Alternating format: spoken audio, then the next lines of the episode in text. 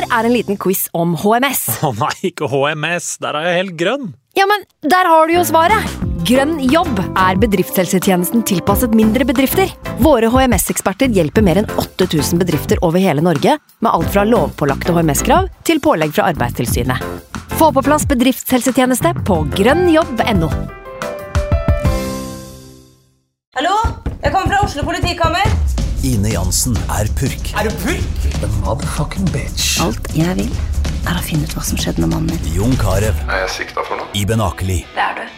Ole So, Lars Berrum og Big Daddy Karsten. Hvem sin side er du på, egentlig? Anette Hoff, Tone Danielsen, Kommer du fra Afrika?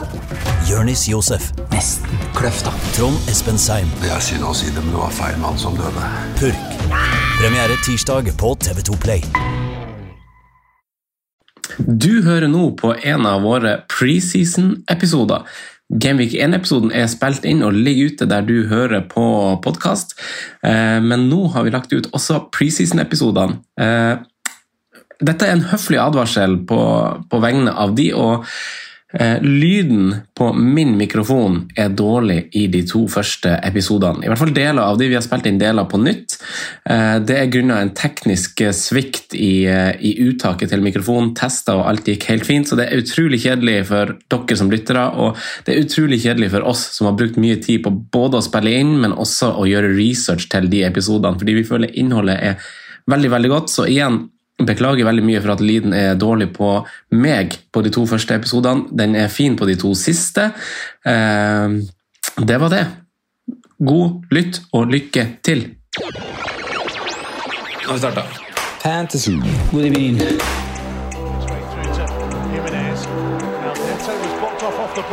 Jimenez. Now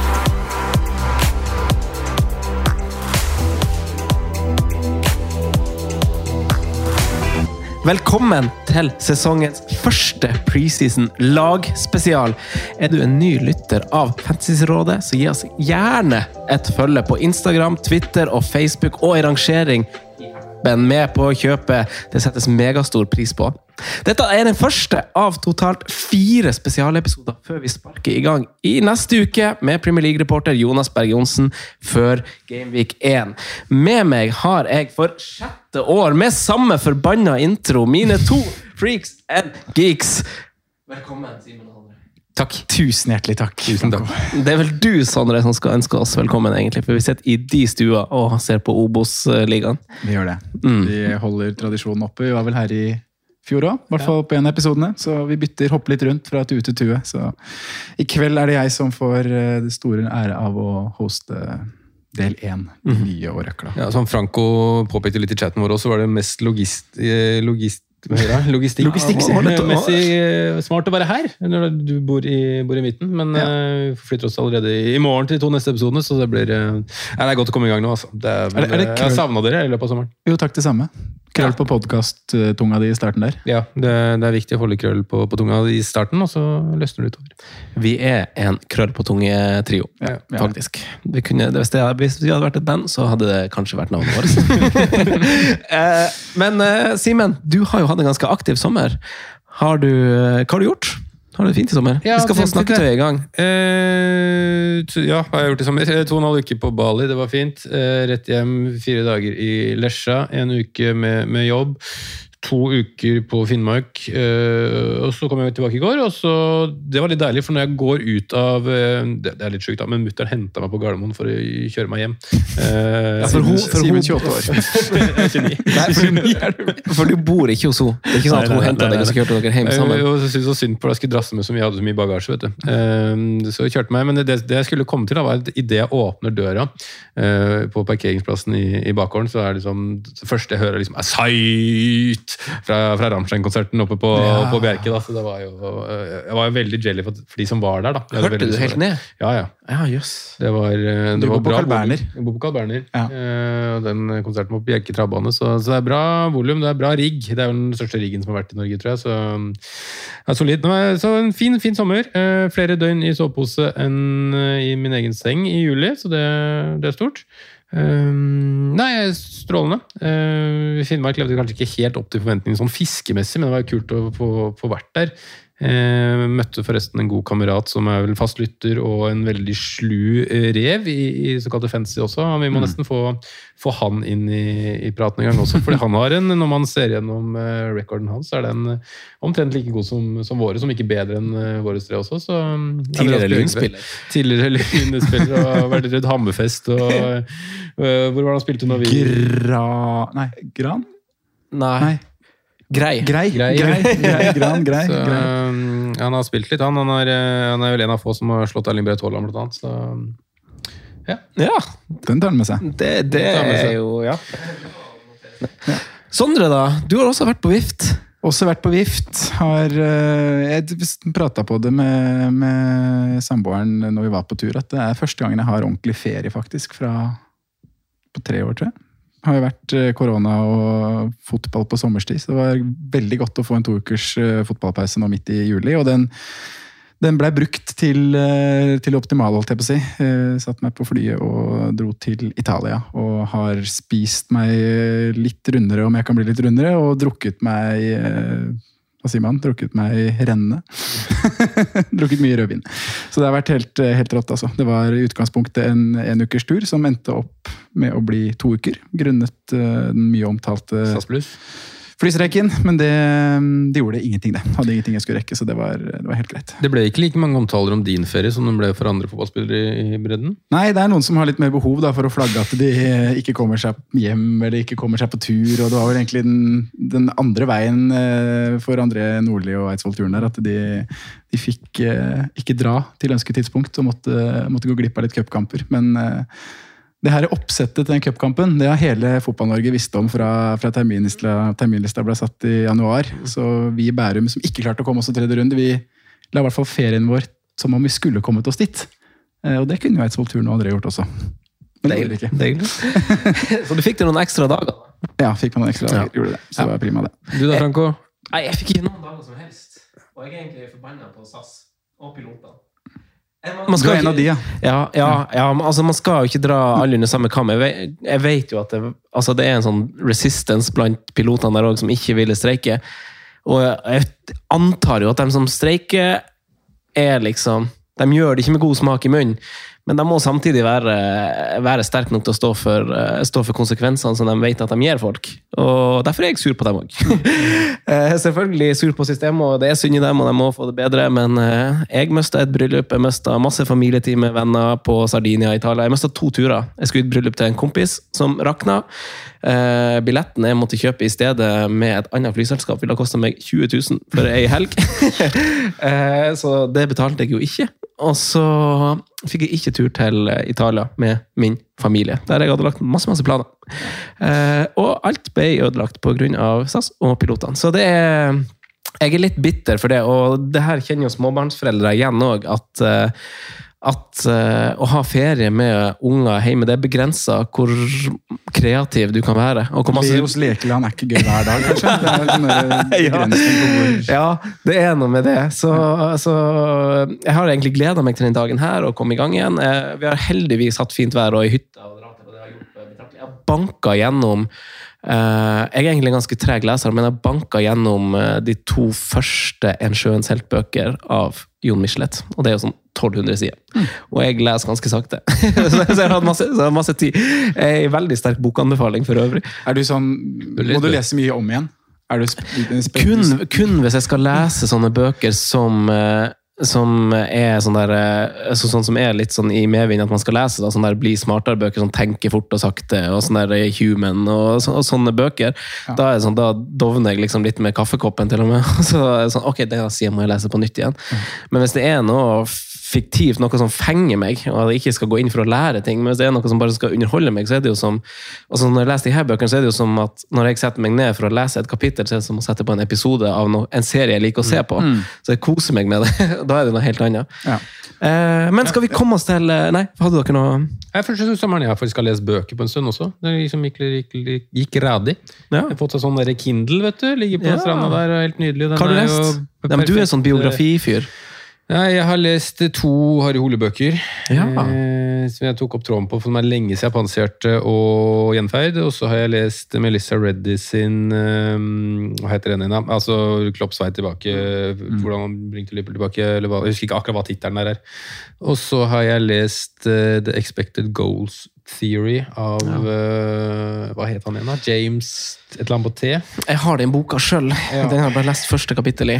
Tricket eller noe sånt? Ja, Ja, men i hvert fall den. Eh, Den er jo veldig eh, Du, blir jo, du, du veit jo alt egentlig som står der, da. han bare påpeker det flere flere ganger. At du, så, sånn sett, så det er ikke noe sånn veldig revolusjonerende. Kanskje han var det mer når, når den kom fram, men, men ja.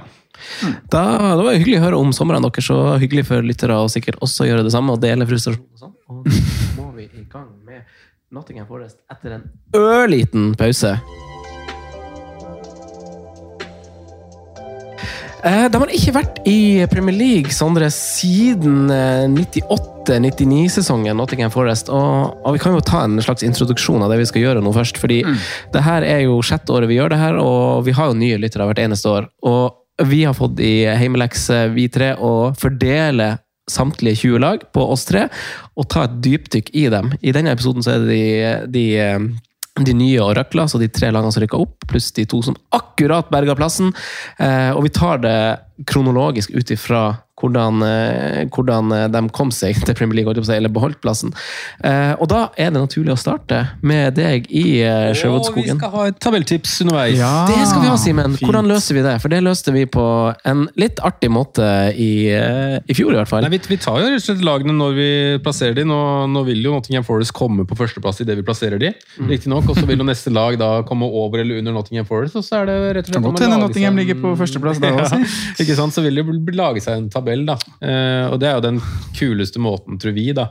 Å lage på en måte et tabelltips på uten at eh, Altså, vi gjør det ikke som en reell tabelltipsepisode, men vi fletter inn på slutten av mm. avslutning på hvert lag, da. Ja. Eh, Hvor vi ønsker å plassere de. Og da får jo også folk en formening da, om hvordan vi på en måte rangerer lagene, kanskje kontra i fjor, da, hvor de plasserte i fjor. Eh, Om vi vil ha det opp eller ned fra, fra fjorårets plassering. Helt King Kong. Det var artig, det. Vi hadde noen Mm. Treff og noen grove bommer i fjor. Ja. Så Først og fremst det siste.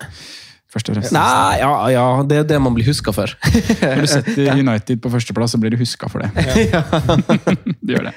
Men ja, nei, la oss sparke i gang med, med Nottingham. Ja, Å, jeg gleder meg, Sondre. Jeg gleder meg.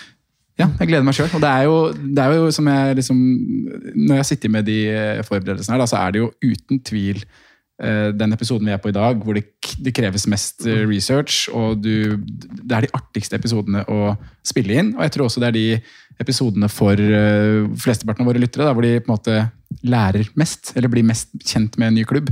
Uh, og det kommer jo da opp et veldig historisk lag i, i Nottingham Forest, som du sier, Franco.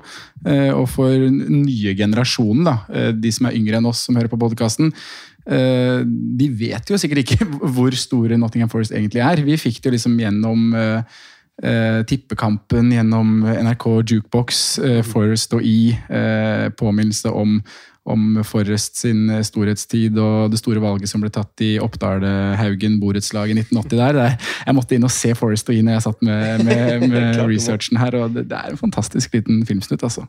Så um, endelig tilbake i det, i det gjeveste selskap. Eh, kan skimte med to historiske seire i eh, serievinnercupen. De har vunnet Uefa Supercup. Eh, Alt dette skjedde jo på, på 70-tallet og, og bakover. Men nå er de endelig, endelig tilbake, og jeg er veldig spent. Jeg tror Nottingham Forest er det laget som kanskje har best forutsetninger foran eh, den eh, sesongen som kommer, av de tre nyopprykka. Så skal kanskje Simen eh, fortelle meg noe annet med Fulham, og du har dykka i Bournemouth. Men per det jeg vet nå, etter å bare sett Nottingham Forest, så, så tror jeg det.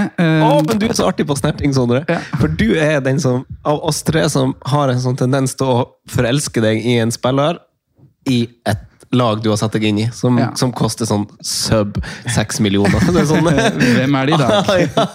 ja, jeg synes alle, alle oss har en tendens til å forelske seg litt i, i både spillere av ulike grunner. da. Ja, og, Men- men det- og de laga vi gjør research på, forelsker vi oss litt i. da. Det blir jo litt sånn. Absolutt kult. Så er det kule her er jo liksom for, spesielt for liksom nostalgikerne og de hos historikerne at vi fikk liksom Leeds tilbake for et par år siden nå. Ja. Nå får vi Forest. Sheffield United, Sheffield så vidt. Brentford som et nytt tilskudd i, i, i fjor, så man får får liksom eh, Man føler jo nesten hver gang at man får litt sånn refresh av liksom Bring football back. Ja, det er liksom historisk engelske. Da, I liksom denne pengegaloppen og det liksom eh, galaktikosset som det har blitt av dette Mm. sirkuset. Men så er det liksom kult med litt sånn skjermlag. da. Og du skal jo fortelle oss også litt om, om både hvordan de har vært i fjor, og også hva de har, gjort i sommer. da. Ja, for det har jo med det siste her, så har, det har jo skjedd mye i sommer. Eh, vi kan jo starte litt med, med fjoråret først. Eh, som du sa, Franco, så rykka de opp eh, via kvaliken. De fikk fjerdeplass. Slo Sheffield United på straffespark, slo Huddersfield i playoff-finalen. Åtte poeng bak Bournemouth, som tok andreplassen, og ti poeng foran Middlesbrough, som tok sjuendeplassen. Så det var sånn helt grei, grei margin ned til, til playoff i fjor. Eh, totalt 23 seire, 13 uavgjort, 10 tap. De skåret 73 mål, eh, noe som var tredje best i ligaen. Eh, og så var de nest best andre veien. Slapp inn 40 på, på 46 kamper. Noe tightere på bortebane enn hva de var på, på hjemmebane. De hadde vel 18 baklengs på, på 23 kamper borte, mens de på hjemmebane hadde seks lag foran seg da over lista som var, liksom, som var bedre defensivt. Uh, men det er jo en liten, liten differanse. Eh, så var det en sånn to, todelt sesong da, for Forest i, i championship i fjor. De, de starta jo ekstremt dårlig. Eh, hadde én seier på de syv første kampene. Uh, Chris Huton var trener. Um, han fikk fyken. Det var en midlertidig manager der som hadde en eller to kamper før Cooper kom inn, som er, som er manager nå. Eh, Han kom inn i slutten av september, og da snudde det egentlig momentant med en gang. Han la om formasjonen fra 4-2-3-1 til en slags De varierer mellom å spille eh, 4-3-1-2 eller 5-3-2. Uh, hadde Tapte vel kun én kamp mellom 25.9. og Boxing Day, og hadde i tillegg til det en enorm innspurt hvor de kun hadde ett eller to tap fra februar og inn da, til playoff, uh, playoff-finalen. Så på 45 kamper så ble det kun syv tap under Cooper. Uh, han dro med seg 18 clean sheets. Uh, og med i den regninga her, så har jeg også lagt inn cupen. De kom vel til om det var kvartfinale, jeg husker ikke om det var det det var. Møtte Møtte til vel mot Liverpool, Liverpool der. Så gode tall, da, for å si det sånn. Og det er jo sånn spennende med den formasjonsendringen som skjedde der, og en formasjon som vi også har sett at flere andre nyopprykka lag har hatt veldig suksess med å praktisere da, når de har kommet opp. Sheffield United, Wolverhampton, alle med tre- eller fembeckslinjer, ut ifra hvordan, hvordan de ser det. Så um, det blir spennende. Det kan jo også tilby offensive, offensive wingbacker, som vi ser, ser veldig etter i Fancy Premier League. Og som regel så er det to spisser på banen, noe jeg også liker, liker godt. De har jo toppskårer Brennan Johnson, som, som er med videre opp. Han hadde vel 16 skåringer og 10 assist i fjor. Men utover det da, så har de, de har egentlig kvitta seg med veldig mye målpoeng. De hadde kun to navn som skåret over ti mål i fjor. Johnson var, var en av de. Den andre var Louis Grabban. Han hadde tolv skåringer. Han har vel gått på free transfer, om jeg ikke tar helt feil. Eller om han har funnet seg en annen klubb. I tillegg til det så har de de har mista Sinkernagel, eller latt Sinkernagel gått, ut ifra hvordan du ser på det. Det er vel det de har gjort. Han hadde en del målpoeng. Var ikke han på lån? Han var på lån fra Jo, Watford. var på lån på Watford. Eh, Garner, midtbanespiller utleid fra Manchester United, også en del målpoeng. Han er jo borte. Eh, I tillegg til det så hadde de liksom litt rotasjon på, på vingbekken i fjor, hvor eh, Spence eh, har gått. Eh, Love var innom på lån fra Sheffield United.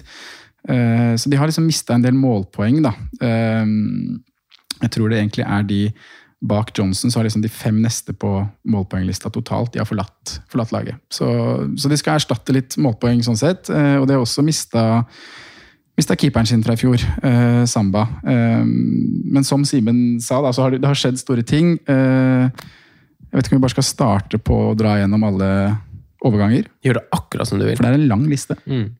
ja, er det det? det, er en, det er en lang liste med spillere inn, og vi kan jo Hvis vi starter bakerst, så har de henta Dean Henderson. Eh, De har henta Neko Williams. De har henta en ny stopper fra Mainz. Mossa Moussa Nikate, Nik, eh, hvordan man uttaler det. Eh, De har Tror hent- treffer ganske bra, ja. ja, Nikate. Nikate. Eh, De har henta to wingbacker i tillegg til Williams også. Eh, De har henta Gulian Biancon fra Troyes. Eh, De har henta Omar Richards fra Bayern München. Og en Wimmick til, faktisk. Toffolo fra Huddersfield.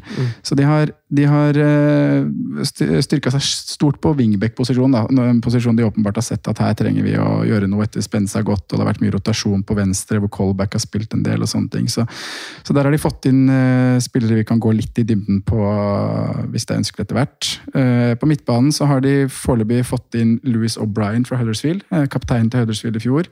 Eh, hadde en god sesong, han, og har spilt De bare robber, robber dem de slo i i playoff-finalen. ja. Henter både venstrebekk og sentral midtbanespiller derfra. Eh, men han har vel 122 kamper han i, i championship, og det er ikke noen sånn målpoengspiller. Men en, eh, sikkert en spiller som er klar for å ta neste steg. Da. Han er vel i starten av 20-åra og har spilt masse championship til å være, være 22 år.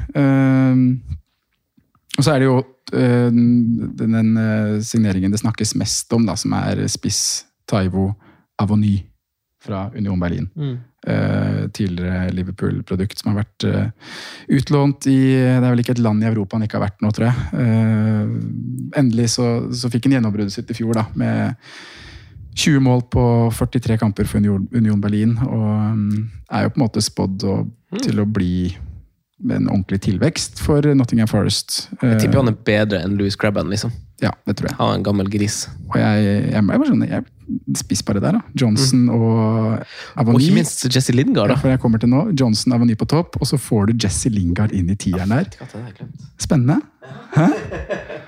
Er jo det. 4-3-2, eller 4-3-1-2 blir det. Taivo har jo også vært en spiller som på en måte lenge har vært litt sånn i skorpa. Skal han få sjansen, skal han ikke? Ja, for her er du på fornavn. Ja, for det, det må vi bare klare synes- med en gang. Sier vi Avon, eller sier vi Taivo? eh, Etternavnet var litt vanskelig, så var det derfor jeg valgte fornavn Ja, okay, okay. nå. Men nå refererer du da til Union Berlin-spissen Taivo. Ja, så Selv om han har vært mye, veldig mye utlandet, som du sier, så, så var det veldig overraskende også den gangen han forlot Liverpool, og var veldig takknemlig for liksom eh, oppholdet der, at han har fått muligheten da, til å Ja. gå på disse utlånene. og sånne ting. Han har jo vært i Mainz, han har fått noen øh, Var det Belgia han var et liten stund, og, om ikke helt feil? Ja, det er mange forskjellige klubber. Altså. Eh, Men en som liksom har vært i skorpa, man forventa liksom at han kanskje skulle få en eh, får en sjanse da på en av disse preseason-oppgjørene. Men det har liksom aldri blitt noe. da Veien har vært lang eh, i den uh, angrepsrekka der. Så mm, jeg er veldig spent. Gode rapporter fra, fra Tyskland, fra oppholdet i Union, og det, det sier jo kjøpsummen også. Ja. Eh, så mm, det er en jeg er veldig spent på. Han ser jo veldig Han ser ut som en ordentlig sånn bakromstrussel. Gjennombruddshissig spiss. Han er rask. Han, har, han er jo ikke så stor, men han har ganske god fysikk. Virker sterk. Eh, 20 mål. Det så nesten ut som han hadde 20 med venstre og 20 med høyre, ut fra de highlights jeg så på YouTube. Eh, tatt litt straffer, så det blir jo spennende. Det er jo det er jo godeste Brennan Johnson som har hatt straffene i, eh, i Nottingham Forest. Vi får se hvordan det blir neste sesong der. Men eh, han virker jo være litt sånn fus i alt, da, med tanke på overgangssummen og sånne ting. Så jeg syns det er veldig veldig spennende. Og det, det, er jo, det er jo tre signeringer Nottingham Forest gjør fra Tyskland her. De henter uh, Taivo fra Berlin. De henter Mossa Nikaté fra Mainz, uh, midtstopperen jeg refererer til. Og så henter de Omar Richard fra Bayern München. Uh, og Det er jo en spennende signering. altså det, det er jo han som de egentlig har tenkt å spille inn på venstreback. Mm. Uh, nå har han fått seg en skade i preseason, så han er ute i hvert fall til oktober. Eh, Jeg husker han veldig godt fra Ja. fordi jeg eh, FM husker jeg fra. Ja, ja, fordi jeg skulle, skulle starte en ny fil i Championship, og så var det titta liksom, sånn som man er på lagene, hvem som må være, hvem har høyest budsjett og sånn. Og så sånn Redding, og så står det sånn der Ja, for Redding er overgang. Og skal du Bayern München nå? Ja, ok, greit. Yes. Nei, det var, det han skal jo helt klart inn. Og jeg tenker jo også som Jeg synes, føler jo også at man, altså Sånn som Huddersfield gjorde da de rakk opp, at de henter litt sånn litt herfra, litt derfra. Litt som Watford kanskje også gjorde. Mm. Så føler jeg at de henter jo en del trygge navn og en del ikke det? som har bevisst altså Henderson er fin, Neko Williams er fin, selv om han er ung. Eh, Lingard er selvfølgelig fin. Og spissene tror jeg er sånn altså Som et nyopprykka lag så møter de jo veldig mange lag som, som, eh, som står litt høyt. da. Ja. Det er kjekt å ha han- noen som kan springe i det bakrommet. Og han s- dumpe denne klareringa i bakrommet, og så har du Brennan Johnson og, Og Taivo. i, i bakrommet der. Men hans mossa Moussa Nikaté, eller hvordan vi skal uttale det, han, også, han tror jeg vi kommer til å bli glad i, Simen. Ja, Venstrebeint eh, midtstopper. Sexieste som finnes. Ja, det er det sexy. Han er, så, han er jo litt sånn Davinson Sanchez i, i kropp med ball, ser litt rotete ut, men han han, eh, han har liksom langpasningen i bagen, kan vri spillet fra venstre stopper til, til høyre wingback, kan tre opp i mellomrommet til en Jesse Lingard. så Virker å ha bra tempo, så jeg, jeg tror at det er en god signering altså for et nyopprykka Nottingham Forest-lag. Du får en spiller som har spilt fast i Mainz, som, eh, som er i en fin alder. og funker bra i et sånt Mm. Trebecks-system, virker det som. Det er jo en spiller som de som spiller FUT eller Fifa, eh, Mm. kjenner veldig til. For han er en billig stopper som er rask, som du kjøper ganske, kjøper ganske tidlig. Ja. Det, men det er lite kjennskap til, til han utenom det. Men det er jo en spiller som, som på en måte har eh, vært litt sånn smårykta til en litt større klubber også tidligere. da. Så mm, nei, jeg, jeg er enig. Jeg syns det virker som et ryddig på en måte overgangsvindu. At man kjøper fra, fra klubber hvor man er ganske trygge på at de kommer til å, at de har et eller annet. da. Eh, og det er jo veldig mange av disse uh, lagene som vi kommer videre fra si bunn ti, som bare skal sette Tyskland. Litt pga. pris, kanskje. At Mm. liksom, det, det er jo en liksom, Tyskland klarer jo ikke å henge med liksom, med lønns og med det pengeloppen som går i Premier League, så det er kanskje gunstig for de, eh, de klubbene der å, å gå til Tyskland og, og hente liksom, gode fotballspillere, rett og slett. da. Eh, så det er spennende. Absolutt. Uh, Men uh, kampprogram og aktualitet fra, fra start for Nottingham Forest. Du som, Jeg vet ikke om du er blenda av kjærlighet nå, Sondre, men, uh, men altså, vi har jo i hvert fall altså, Så fremst man ikke skal kjøre den strategien med fem store bak, så er det jo en uh, forsvarsspiller i hvert fall, som er ganske klink i, eh, i laget. Det er det. Det er Nico Williams som uh, koster fire blank. Skal spille høyre wingback, mest sannsynlig. Han har i hvert fall starta der nå sist treningsmatch. Starta vel på venstre wingback før det. Der er det jo da litt skadeproblemer, men det blir vel, det blir vel han godeste Tuffalo eller? Tuffalo, Tuffalo, Toffolo, som skal spille den, eh, den posisjonen der fra start av. Så det vi vet om Neko Williams, er at han har et veldig uh, høyt offensivt potensial. Eh, så sånn sett er han spennende. Uh, og jeg mener jo at kampprogrammet fra start er jo De har en ganske tøff åpning. De møter Newcastle borte, Westham hjemme, Everton borte i de tre første, Tottenham City 4-5. Eh, men derfra har jeg sett at hm, når wildcardet skal smelles i 6, 7, 8, 9 en gang, da kan man få på noe Forest, hvis det har vist seg å, å være noe, da. Men Neko William, som du sier, han er nok med fra start eh, på mitt lag, med mindre jeg skal gå for fem premiums bak. Eh, han kan være med som en femte premiums, og du har en i elver og tenker nesten jeg, hvis du har lyst til å spille fem bak med Neko Williams, så, så går det. For jeg, jeg, jeg, jeg tror det kommer til å være verdien. Det fine der er jo at han på en måte, som du sier, har helt klart sine styrker offensivt, og ikke nødvendigvis er en liksom, kjempegod defensiv back, det passer jo på en måte fancy-malen veldig godt. da. Og han er wingback, ikke en Yes, bakre og at. Nottingham for, for spiller med, med, med wingback, men hvis man skal se helt motsatt på det òg, altså liksom, skulle det gå dårlig for Nottingham Forest og du skulle legge om, så er dette en spiller som er aktuell for en kantposisjon, eh, hvor han har eh, bekledd litt eh, og fått litt spilletid på landslaget, blant annet. Eh, Til Wales, eh, med å spille litt ute, ute til høyre i, i en liksom 4-3-4-2-3-1. da. Så det er jo åpenbart at det er offensivt eh, det bor i, bor i Neko Williams. Så har sett liksom, tendenser i cupkamper og sånn også, hvordan spillertype det er, og med en spiss å fòre på, med veldig gode rapporter fra det halvåret han hadde under Marco Silva i, i Fulham i fjor. Så en Altså, 20 millioner euro for, for en nyopprykka klubb, det er, det er ikke tvil om at han skal spille, for å si det sånn. Så fantasy-verdien her er eh, enorm. Sånn er det. Det, Eh, det blir spennende å følge med på, da. Ja. På, altså, de, de som spiller koster jo seks, og det er jo, altså, det er jo Lingard og de to spissene som du antyder at Ja. Det blir spennende om det blir en, liksom, en hvem tar straffene, hvem blir hovedpersonen i det angrepet som man skal sikte seg inn på når kampprogrammet Kanskje blir litt fint at de starter det fine løpet med, med Bournemouth hjemme, da. Om, eh, om tida da er inne for eh, hvem, hvem tror du? Som tar straffene. Nei, hvem tror du liksom blir, eh, blir the guy? That guy? Jeg, jeg har jo jeg, jeg skal si at jeg har hatt Brennan Johnson inni et draft. Bare sånn på, på artig, for jeg, jeg, jeg har litt trua på han. Eh, Pur kjærlighet. Pur kjærlighet, kan godt kalle det. Men det. Det som skal sies om han, er at han har spilt litt i tierrollen også. Uh, og de har, jo, de har jo andre spillere som kan spille på, på topp, som også har starta der i preseason, i Alex Maiten. Eh, 20-åring som har over 50 kamper i, i championship. Championship. Championship. Eh, ytterst få av de er fra start. Um, og de har Lyle Taylor som, som også har starta og skåra en del i, i preseason. Er vel eh, gått opp mot eh, 35 år, eh, Taylor. Kanskje litt under det. Men eh, han har starta noen kamper i, i preseason nå, så um, man må jo også se liksom hvordan er Lingard i, i matchfitness. Kan han starte i tierrollen fra start? De har også en, en skade på Yates, eh, midtbanespiller som skåra åtte mål i fjor, så, så han er heller ikke med fra sesongstart. Så, så det er liksom noen huller i det Forest-laget fra åpningen. av. Så man, det er fint å bruke litt tid da, på at det her eh, setter seg. Ja. jo godt eid som 4-5-spiss, 12 per i dag. Ja. Da er jo Kan- noen som har gjort hjemmeleksa på liksom, Når de har to spisser, skal de ha en spisereserve som ikke er Sam Greenwood, Greenwood så kanskje han spiller med. Ja, og det er nok fordi han har starta en del i preseason og skåra noen mål. Eh, Det var én siste ting jeg skulle legge til, og det var vel at eh, callback til 4-5 kan være et fint 4-5-alternativ, i tillegg til eh, en mann i Fulham som vi sikkert skal snakke om seinere, Simen, på, på midtbanen, hvis man ønsker å gå med to 4-5-ere der, f.eks. Men det var Nottingham Forest. Da, Nord eh, for eller skal du videre? Eh, Det er jo det laget som jeg vil tro ehm, de aller fleste kjenner aller minst.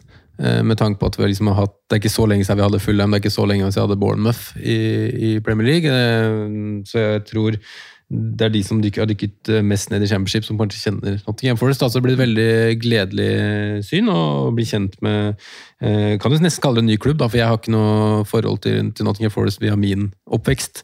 Eh, mer det man har hørt i forhold til historien og, og, og det tragiske med Hillsborough og alt det der. Men, eh, men eh, nei, det blir spennende. Jeg gleder meg til å se et nytt lag med mange nye. Og så er jeg litt redd for at de kan gå i en sånn felle at de skal implementere for mange nye for, eh, for raskt. Det er veldig mange som sier, utskiftninger. Det er mange som er tiltenkt her av disse kjøpene til å gå rett inn. Jeg håper de har jobba godt i sommer med å integrere og, og lage en ny på en måte, stamme. Så mm, det tror jeg blir den største utfordringen. Ja, Jeg er med deg på den, Simen. Jeg er jo ikke noen fan av det. Men jeg syns samtidig at noen av kjøperne deres har den der erfaringen til at det bare kan Kan liksom. Kan gli, ja, I hvert fall Lingard og Henderson i Cassa kan liksom Mm. Bare gå inn. Og så er det andre spillere som kjenner til engelsk fotball. da. Mm. Alle, alle har jo nesten en link til engelsk fotball, bortsett fra stopper. Ja. Jeg tror vi kan få en sånn faktor av at fansen på hjemmebane kan ha enormt mye å si i starten av sesongen. sesongen. Og de kan plukke med seg overpresser uansett på en måte hvordan det går i løpet av Mhm. sesongen. Så kan de overpresse første ti, da. Eh, og så på en måte kanskje det faller litt mer fra hverandre om man ikke plukker så, så et snitt. Men jeg ser for meg liksom en, en, en entusiasme der eh, fra klubb som er glad for å være tilbake. Ja. City Ground er vel en sånn gyngestadion som du sikkert har lyst til å reise til, eh, Simen, i aller nærmeste framtid. Men eh, Bournemouth, ja. Vi har fått opp et eh, nytt eh, sørkystlag, så nå har vi tre igjen. Eh, Leda av eh, Scott Parker. Han ble ansatt dagen hans forhold med Fulham ble avslutta. Eh, og han erstatta jo da skadelegenden, velger jeg å kalle Jonathan Woodgate, ved roret hos Premier Leagues nå sørligste klubb. Så der har du en sånn tri triviell fakta du kan bruke i en quiz en gang, eh, en, en gang, gutta. Eh, god start eh, på sesongen, og egentlig en god sesong over hele fjøla. Kom rettmessig på andreplass, til tross for at de egentlig holdt Fulham i kamp til døra. Men veldig underlegen eh, mål skåra med, med 106 VS eh, 74. Så det, det, den førsteplassen er veldig berettiget av Fulham, og det skal sikkert Simen eh, bekrefte i enda større grad etterpå.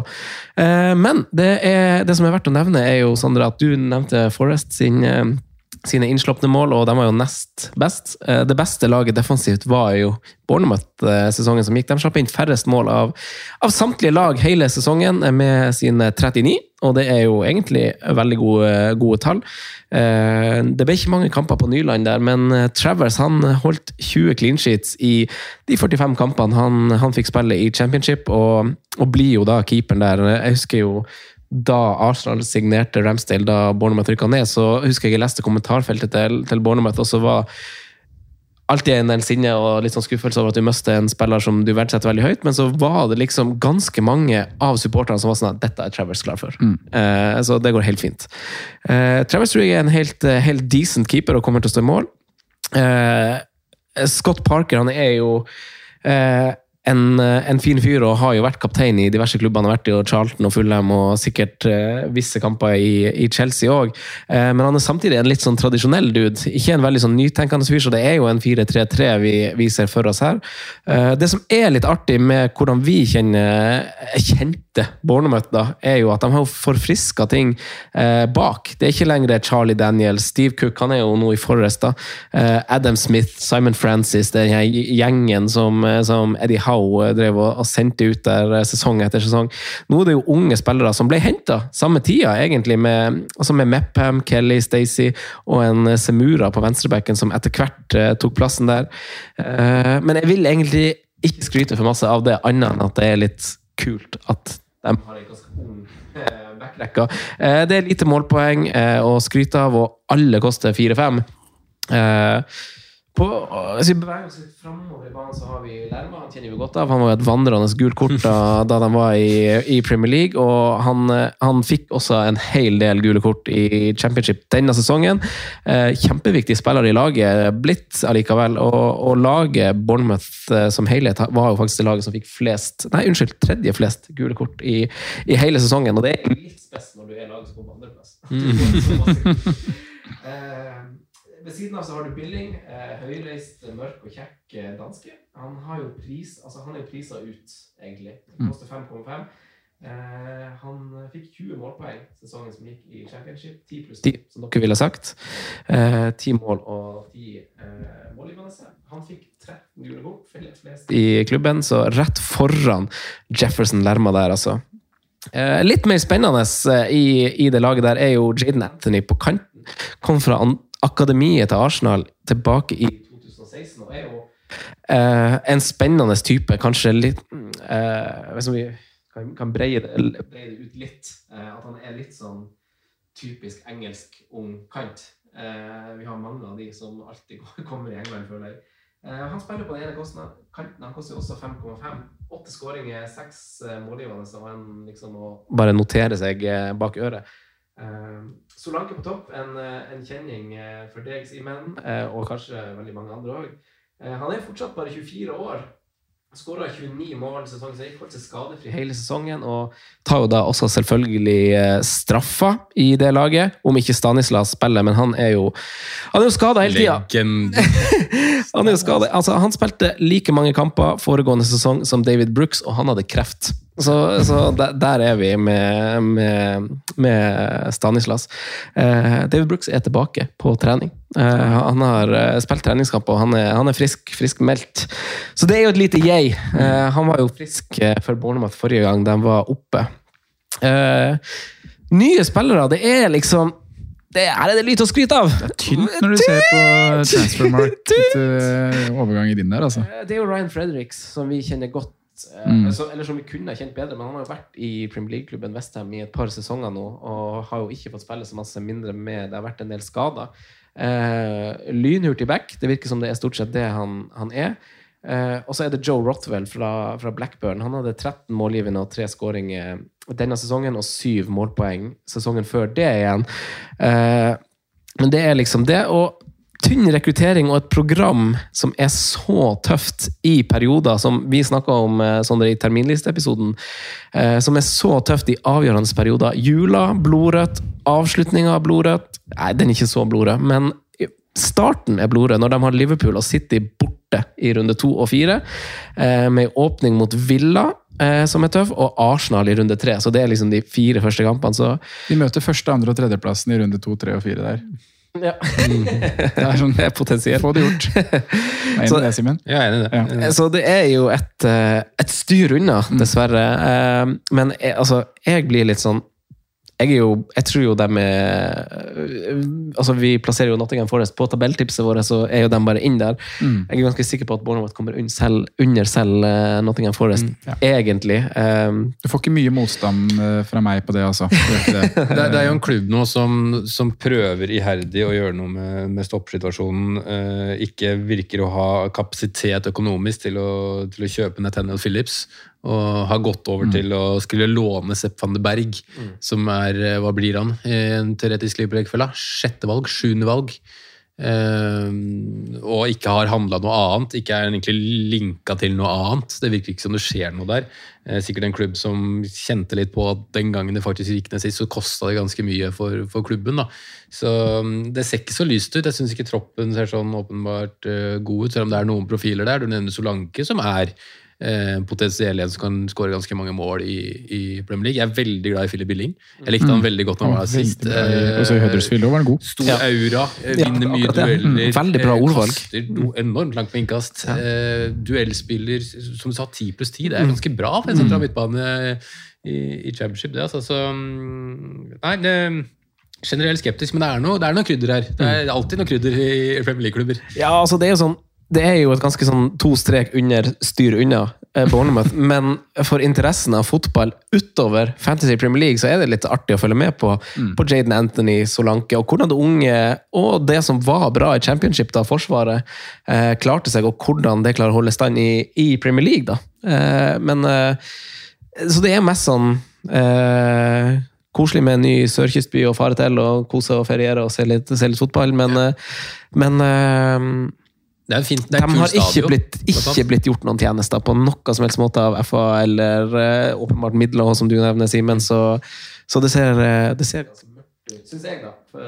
eh, for dem. Men ja, vi får se. Jeg er spent på om det er liksom tallene for finansmennene der som, som er så tunge etter liksom hva som har vært det siste året, eller om det faktisk er bare en sånn der precaution på at vi tror vi kommer til å rykke ned, vi kan ikke legge ut for mye. sånn som Man ser jo motsatt tilnærming fra Nottingham Forest, da, Mm. som punger ut, som gir en kjempedyr kontrakt til Lingard for å bli der et, en, en sesong. Mm. Uh, håper jeg virkelig ikke at jeg skal spille med den J-Lings bak på drakta, men uh, det ser faktisk ut som han skal det. Eh, Nei, hva er det? Er det sant? Forferdelig hele den saken. J-Lings og nummer altså. ti, eller hva det var for noe. Var det ikke det som Jo. var bildet? Så, men, Er ikke han eh, en voksen? Jo, Mannen er snart 30 år. Kan ikke holde på sånn TikTok og jailings på drakten, for en idiot! Men det er ikke greit. Det var jo på en måte sjarmerende lenge med, med Bournemouth, så syns jeg det ble litt kjedelig sånn rett før det gikk ned sist. Men jeg liker fortsatt stadion der. Det er liksom litt sånn sjarm at den er så liten som Mm. den faktisk er. Ja, det er det, Eh, altså. det er sikkert en dritkul og ettertrakta bortematch for supportere som må krige til seg billetter for å komme dit og se kampen. Liksom en intim, liten stadion i faktisk Premier League med liksom alt det glitter og glamouret som er rundt det. da. Mm. Eh, du nevnte jo ikke Ryan Christie, men det er jo en spiller som har vært linka litt til eh, litt ulike klubber. Jeg vet ikke hvordan han eh, Jeg har ikke dykka, så noe mine i, i, i Bournemouth, men det er liksom det er noe her, da. Men eh, Det er en Keefer Moore der òg, de skal Han er jo fryktelig Hver gang Wales spiller, så setter jeg penger på Keefer Moore. han god i tippeligaen? Det Viking, eller? Ja. Viking. Ja. Det var vel ikke akkurat så mye han fikk til der, nei. Jeg kjøpte han på, jeg kjøpte han på FM en gang. En god targetman å kjøre inn der. Det er det absolutt. Men eh, har du, eh, har du noen eh, siste ord om eh, Bournemouth? Nei, jeg, jeg, jeg må bare følge med på det som blir sagt der. Jeg, jeg, det, det skal nok veldig mye til eh, at jeg kommer til å eie en eh, Bournemouth-spiller nesten i løpet av hele sesongen. tenker jeg. ja, tviler sterkt. det, det virker nesten sånn. Eh, kjedelig å drepe alt av eh, Alt av uh, håp og forventninger her. Men uh, nei, den elveren, det laget, den stallen de har nå, er jo den ser ikke sterk nok ut på papiret. Det er noen spennende unggutter, det er noen spennende posisjoner å følge her og der, men eh, programmet i starten er i hvert fall blodrødt. Så man, Mhm. så man, har jo, man, man skal se hva Bournemouth er for noe, og så kan man, kan man kanskje leke seg litt etter hvert. Men det her blir en blytung sesong. Men Altså- artig er det å ha de der. Og Solanke blir jo gøy å følge. Han er en spiss som skåra 29 mål i fjor. Eh, hadde vel 15 eller 16 år før der, og har kjent på nivået før uten at det var mm, med altfor stor suksess, men han er fortsatt bare 23 år. Eller 24. Men nå, får han, nå kommer han jo på, inn på dette nivået her med en helt annen på en måte, standing i Ikke sin sant? klubb. Ja. Han var jo på en måte bare en andrefilin og til Mm. nødsløsning Mm. når han var i, var i Liverpool. Nå var vel, jeg var vel på den ene bortekampen han starta, tror jeg, eh, den, den sesongen der. Men, eh, men nå får han liksom spille fast og, og, og den, den greia der, da. Så det er vel egentlig den eneste jeg på en måte noterer i margen. Ja. Solanke jeg syns han er litt dyrt å ta en sjanse på. Seks blank i starten på et lag jeg tror kommer sist.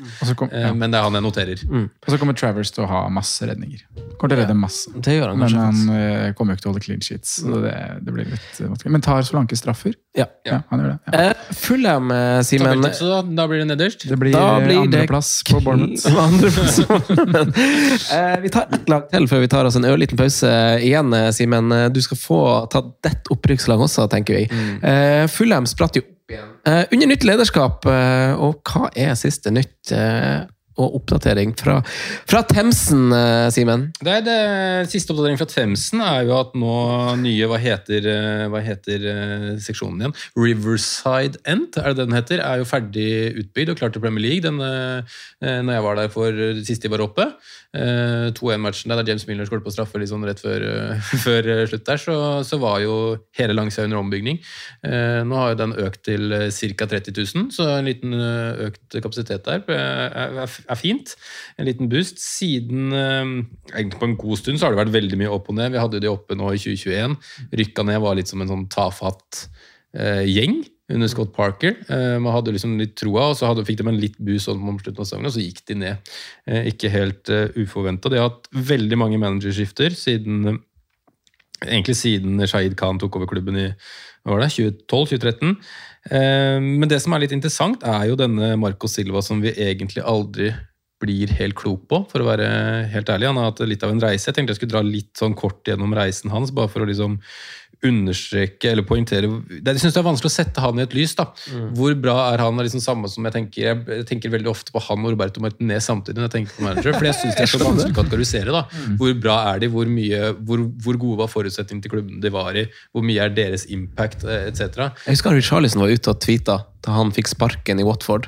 Altså Han var ute og tweeta sånn triste smiley at det her var liksom dårlig gjort. Eh, det kommer det her, så Vi kan jo starte med liksom ta karrieren hans. Han, han spilte jo fotball sjøl i Estoril, og, og, rett etter hans karriere så ble han der en sportsdirektør eh, i Estoril. Eller Director of Football heter vel kanskje stillingen mer riktig. Um, det gikk så dårlig med den treneren som var, så det var ikke lenge før Marco Silva var trener sjøl. Eh, han klarte å snu trenden og få det tilbake til eh, Jeg antok at det heter Liga Nosta, men jeg er ikke bomsikker på det, så det må kanskje noen eh, som følger veldig, med, veldig nøye på det, rette meg på. Det gikk deretter til en rekordplassering i Liga Nos med en femteplass. Hvor man bl.a. man brøyt den legendariske seiersrekka til Porto på seks år. Man tapte ikke noen av oppgjørene mot Sporting på, på, på en sesong der. og mm, og i, i det han avsluttet uh, sitt opphold i, i, Estoril, så lå klubben faktisk på en fjerdeplass. Som uh, var bedre enn den rekordplasseringen de hadde året før. Uh, det neste laget hans ble jo Sporting. Og hvis man blar gjennom de spillerne han, han trente i, i, Sporting, så er det en liksom rekke med Rui Patricio, du har William Carvalho, det er Eric Dyer hadde den der. Gardell. Mario Gardell. Så det var ganske mange, mange spennende spillere der. Og der ble det første trofé på seks år. som Sporting hadde tatt. Det var riktignok et cuptrofé, ikke et ligatrofé. For den tiden her så må vi huske hvor gode Porto, og Porto Benfica spesielt var i, var i hjemmeliga. Sporting var liksom et nivå under. Og så eh, Litt sånn som går igjen i Marco Silvas karriere, er jo korte opphold hos klubber. Det varte ikke lenge her heller. Eh, og det var videre til Olympiakos, hvor man sånn rent poengmessig, skåringsmessig, eh, kanskje er hans beste opphold. Eh, vant ligaen når det var vant den i april. var Seks kamper igjen. Tapte én kamp i løpet av sesongen. Um, slo alt som var av rekorder, mye antall skåringer, poeng uh, etc. Og Der hadde han jo spillere som Omar Abdullawi, Luka Miljovic, som vi kjenner. Uh, Esteban Cambiasso hadde vel sin siste sesong omtrent. Uh, der, altså Arthur Masuaku. Uh, for en sjuk gjeng! For en sjuk gjeng. Og rett før sesongstarten 16-17, altså året etter at de vunnet ligaen, på treningsleir i Østerrike, så sier Marco Silva opp. Ja. Kommer som et sjokk. Olympiakos skjønner ingenting. Vi vet at det er noe murring med at eh, Fernando Santos skal forlate mm, Portugal-jobben. Eh, han var linka til Porto-jobben litt tidligere, men det er eh, en annen kjenning, Nuno Espirite Santo, som tok den, tok den jobben. Men Marco Silva sier rett og slett opp pga. personlige årsaker. Og man var litt sånn er det muffins, men Olympiakos gikk med på, på, oppsigelsen. og Det ble et halvt år uten fotball, fotball, før han tok turen til England, som vi da kjente igjen fra, fra, Hull, hvor han prøvde å redde de fra Premier League-nedrykk på, på, et halvt år. Før han var i Everton, eh, hvor det ble en eh, åttendeplass, akkurat det samme som Sam Allardyce klarte året før. Før han forlot de som en, eh, på en atteplass eh, jula etterpå. Eh, og deretter, et års pause, tilbake til Fulham. så det er liksom korte hm opphold, da, som har vært Marcus Silva sin, eh, sin, standing. Og siden han tok over Fulham, så har vel egentlig alt vært glansdager. De var jo en, en favoritt til å, til å, gå tilbake opp også, det ser man jo på, liksom, på eh, Der andre lag sleit med å beholde spillere etc., så beholdt jo Fulham store deler av sine, sine tropper. De tok 13 av de 15 første poengene. månedsmanager til Marco Silva. Eh, de fortsetter med å, med skåre 19 mål, og fordelt på tre kamper. Eh, vi skal jo tilbake på litt målskårere her og litt snacks eh, senere. Og de skåra til slutt 106 mål, noe som er det meste som er gjort i, i ligaen siden Manchester City gjorde det i 2001-2002. Uh, og for de som vet hva Manchester City er i dag, så er det fryktelig lenge, langt tilbake. da, for mm. Skåra så, så, mye mål. 20 år siden. Og Hvis vi går tilbake til litt tall, da, hvis vi tar litt sånn på, um, Du var jo litt inne på, på, på, på Forest, Sondre, at du mener de kanskje er den som står best, uh, mm. ligger best an til å gjøre det best i, i Premier League-returen tilbake. så Um, var det riktignok ikke så mange poeng som skilte på en måte de og Bournemouth til, til slutten, men um, uh, de vant ligaen til slutt med 90 poeng. Forventa poeng var 112. De underpresterte med veldig mange poeng i, i fjor. Med, eh, hvis man ser på det på den, den måten. De, de, snitta med å, med å forventa på 2,07 i XG. Eh, 2,29 hjemme, selv om liksom poengene ble sånn cirka gjenfordelt hjemme borte så, så er de forventa å være et mye sterkere hjemmelag, skåre mye mål hjemme. 2,29. Eh, eh, så hvis man tar eh, XG imot også, så ligger de på liksom 1,06 hjemme, 1,16 borte. Ikke så stor forskjell. relativt tighte bakover. Slapp inn 43 på 46, og det var kun nevnte Bournemouth som hadde færre, med, med fire, med fire skåringer mindre imot. Um, og når man ser på antall skåringer også, selv om de underpresterte, så skårte de 32 mål mer enn eh, Bournemouth. Eh, det var en helt vanvittig eh, skåringsrate og, og sånn. Og man ser på vi vet jo alle hvor mange mål Mitrovic skåret i fjor. Altså det var jo så bøtter og spann. Men uh, han skårer 43, uh, og det er liksom sånn mange tenker når det er sånn klubb at ok, han skårer på alt, eller at man har en sånn flyt, men expected goals er på 36. Det er enormt høyt altså, ja, å forvente at du skal skåre 36 mål i løpet av en, en ligasesong. Eh, nå er riktignok Team Dominic Stranke ikke så langt bak, på 32. Mm. Men det er liksom, de er i en egen, egen klasse, og vi skal helt ned til, til, til 20 blank før nestemann kommer på lista. Eh, så det er liksom liten tvil om at det var, var Mitrovic sesong, og at mm. Fulham spiller på en måte på hans premisser. da, Og, og prøver å, å fòre han. og mm, Nå var det vel et mål i snitt per kamp, så han var vel borte en to-tre matcher også. Mitrovic, Men det er helt klart han som har vært har vært stjernen her. Hvis man sammenligner det med året før, hvor vi har en del kjente spillere fra Premier League, så kanskje man liksom klarer å legge en sånn viss føring på hvor man ligger. da, så så hadde Anthony, nei Anthony, Adam Armstrong hadde 28 mål på ca. det samme XG. Eh, Tony hadde 31 skåringer på 26 eh, XG, og, Timo Pukki hadde 26 på 26 XG. Så um, det er jo spillere som alle har de fleste managere faktisk har hatt innom laget. Og vi har jo hatt dessverre en mislykka forsøk med, med Mitrovic sist. Um, men jeg, jeg, jeg tror Fulham er bedre rusta til den sesongen her enn de har vært tidligere. Og, og, det har også litt med deres kanskje nest viktigste spiller, da. i hvert fall hvis man ser det offensivt. Harry Wilson mm. har blitt eldre, har blitt uh, ryddere. Han har fått uh, prøvd seg i Premier League. Det ble kanskje ikke den store suksessen som han hadde forventa, selv om det ble noen langskudd og noen frispark, som det på en måte alltid blir. Så ble det, det, ble det 29 målpoeng i fjor. Eh, enormt bra. 19 assist. Topper jo selvsagt expected assist-tabeller og assist-tabeller og alt som, som, er, selv om han virker som han overpresterte noe sånn sett. Eh, mista en spiller som eh, var viktig i fjor, i Fabio, Fabio Cavallo. Eh, har erstatta han med Andreas Pereira fra, fra Manchester United. Uh, virker som en egentlig ganske spennende overgang, syns jeg. En som liksom aldri har fått sjansen til å spille fast uh, virkelig i Premier League. Han hadde jo én sesong i United hvor han faktisk fikk litt uh, tillit. Mm. det var vel under Solskjær. ellers så var det vel egentlig en spiller som sa det vel rett ut, at han hadde sett for seg å spille videre i, i Brasil. Um, ellers så har det, um, har det jo um, mm, forsterka med jo Joao Falfinia, som har vært rykta litt sånn rundt de siste årene. Uh, spiller mye landslagsfotball. Uh, vanskelig å si hvorfor ikke andre klubber tar sjansen, men nå har Fulham gjort det. Eh, litt overraskende også å gå fra sporting til Fulham, for å være helt ærlig. Sånn, da vet vi hvor høy Premier League-standingen er. da, mm. Når gode spillere, faste spillere, viktige spillere for sånne klubber gjør faktisk de overgangene der. da. Um, og så er det en overgang til som ifølge Fabrizio Romano er klar, men som pga. situasjonen i Ukraina ikke kan gjennomføres før 1.8. Og det er um, Manor Solomon uh, fra Shakhtar. Ja. Uh, han er eh, israelsk med portugisiske foreldre, eller et eller annet sånt.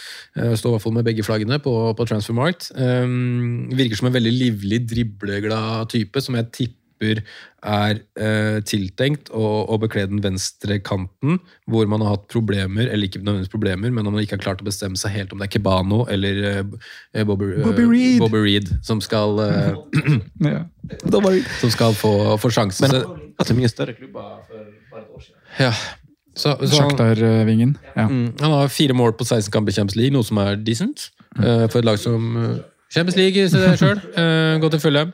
Eh, 15 målpoeng på 55 kamper i, i Shakhtar, så mm, jeg synes det virker som en liksom spennende overgang, men det er jo vanskelig å si også, da. eh, Med tanke på det. Så virker det ikke som Beklager. At um, Fulheim er noe som helst ferdig. Det virker som uh, deres eh, vet ikke hva det blir, andrekeeper, tredjekeeper nærmer seg veldig i Bernt Leno. Um, men det virker også som de har jobba litt med Neto for Barcelona for å få en ny keeper. Altså, men det virker som den Leno-overgangen kommer til å gå gjennom. Og de jobber med bekker på hver sin side. Um, der, eh, hvis man ser i, ser i fjor da, på de som spilte klart mest, så er jo høyrebekken det største problemet. Hvor de har, eh, hadde Neto på et halvår fordi det ikke funka med Kenneth T. det funka ikke med Dennis Odoi. Eh, og Neko Williams alle de hadde vel ca. like mange minutter når man sjekka i fjor. De skulle vel gjerne beholdt Neko Williams, men det ble vel sikkert for dyrt for, for London-klubben. Eh, på andre siden så var det Anthony Robinson som spilte hele, men det blir link linka til eh, venstrebacker. Seneste er vel eh, den kjente spilleren fra Wolverhampton, Ruben Vinagre, som nærmer seg, virker til å nærme seg. Ja. Både han og de, Tyrese Robinson, da han kom inn eh, Da han var i Premier League, husker jeg. Ja, og det virker som sånn der på Zoom og sånn, Han har vel noen sånn korttriks også her en dagen, som han drev og la ut på Twitter. Eh, så, så det virker som en eh, kul type, det. Men det virker som både Kevin Mbabu og Ruben Inagre er de to øverst på lista sammen med Bernt Leno. Da regner jeg også med at infoen til Fabrizio Romano stemmer angående Solomon. da, At den gjennomføres 1. Mm. Solomon? Ja. Ja, ja, nei, men da, Jeg så det ikke på Transformark, så det var derfor jeg begynte å, å søke litt eh, angående det. Den ligger på Transformark er Kanskje ikke jeg som har refresha Men samme det. Den ligger Samme inn det. på Han eh, kommer nok eh, inn. Der ligger han faktisk, ja. Loan transfer. Um, det var overgangene inn og ut. Uh, ut nevnte jeg Fabio Carvalho. Også kan verdt å nevne Seri, som spilte en del i fjor, men han var jo ikke noe særlig når vi sånn i, så han i Premier League sist. Jeg har fornevnt de fleste tallene jeg var, eh, ville inn på. Um, mest eh, brukte. Det er jo overraskende og litt skremmende at de skal bruke en stopper på hva er 35 år i Team Remenna, som spilte Mm. mest i fjor, sammen med en litt mer spennende og høyvokste Adara Bio. Biojo? Biojo. To, to sin. Ja, han, mm. han er god. Han spilte, klart mest, han spilte mest i fjor, sammen med Mitrovic også, for, eh, for Fulham. Eh, Der de dere har da han Tim Ream og han Michael Hector starta i Premier League forrige gang de var oppe? Ja. Husker du hvor ræva det var? Michael Hector har gått, eller? Ja, han har Ja, transfer.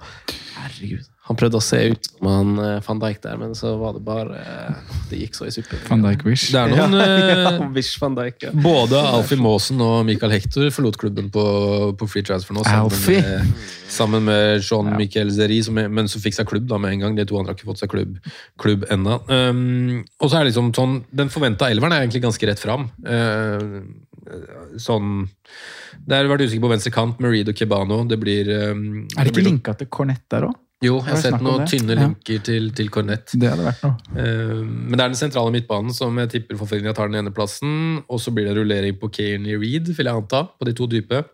Det blir Wilson sånn litt ut til høyre som skal skjære inn. Det blir mm. Andreas Pereira som kommer til å ta posisjonen til Fabio Cavallo. Så tipper jeg det blir en Solomon ute til venstre, eh, med Mitrovic på, på topp. Um, treningskampene har vært blanda drops. Slått NIS 2-0, som for så vidt er sterkt når man bare ser på det, men man vet jo liksom alle treningskamper. Ble feid over banen av Benfica med 5-1.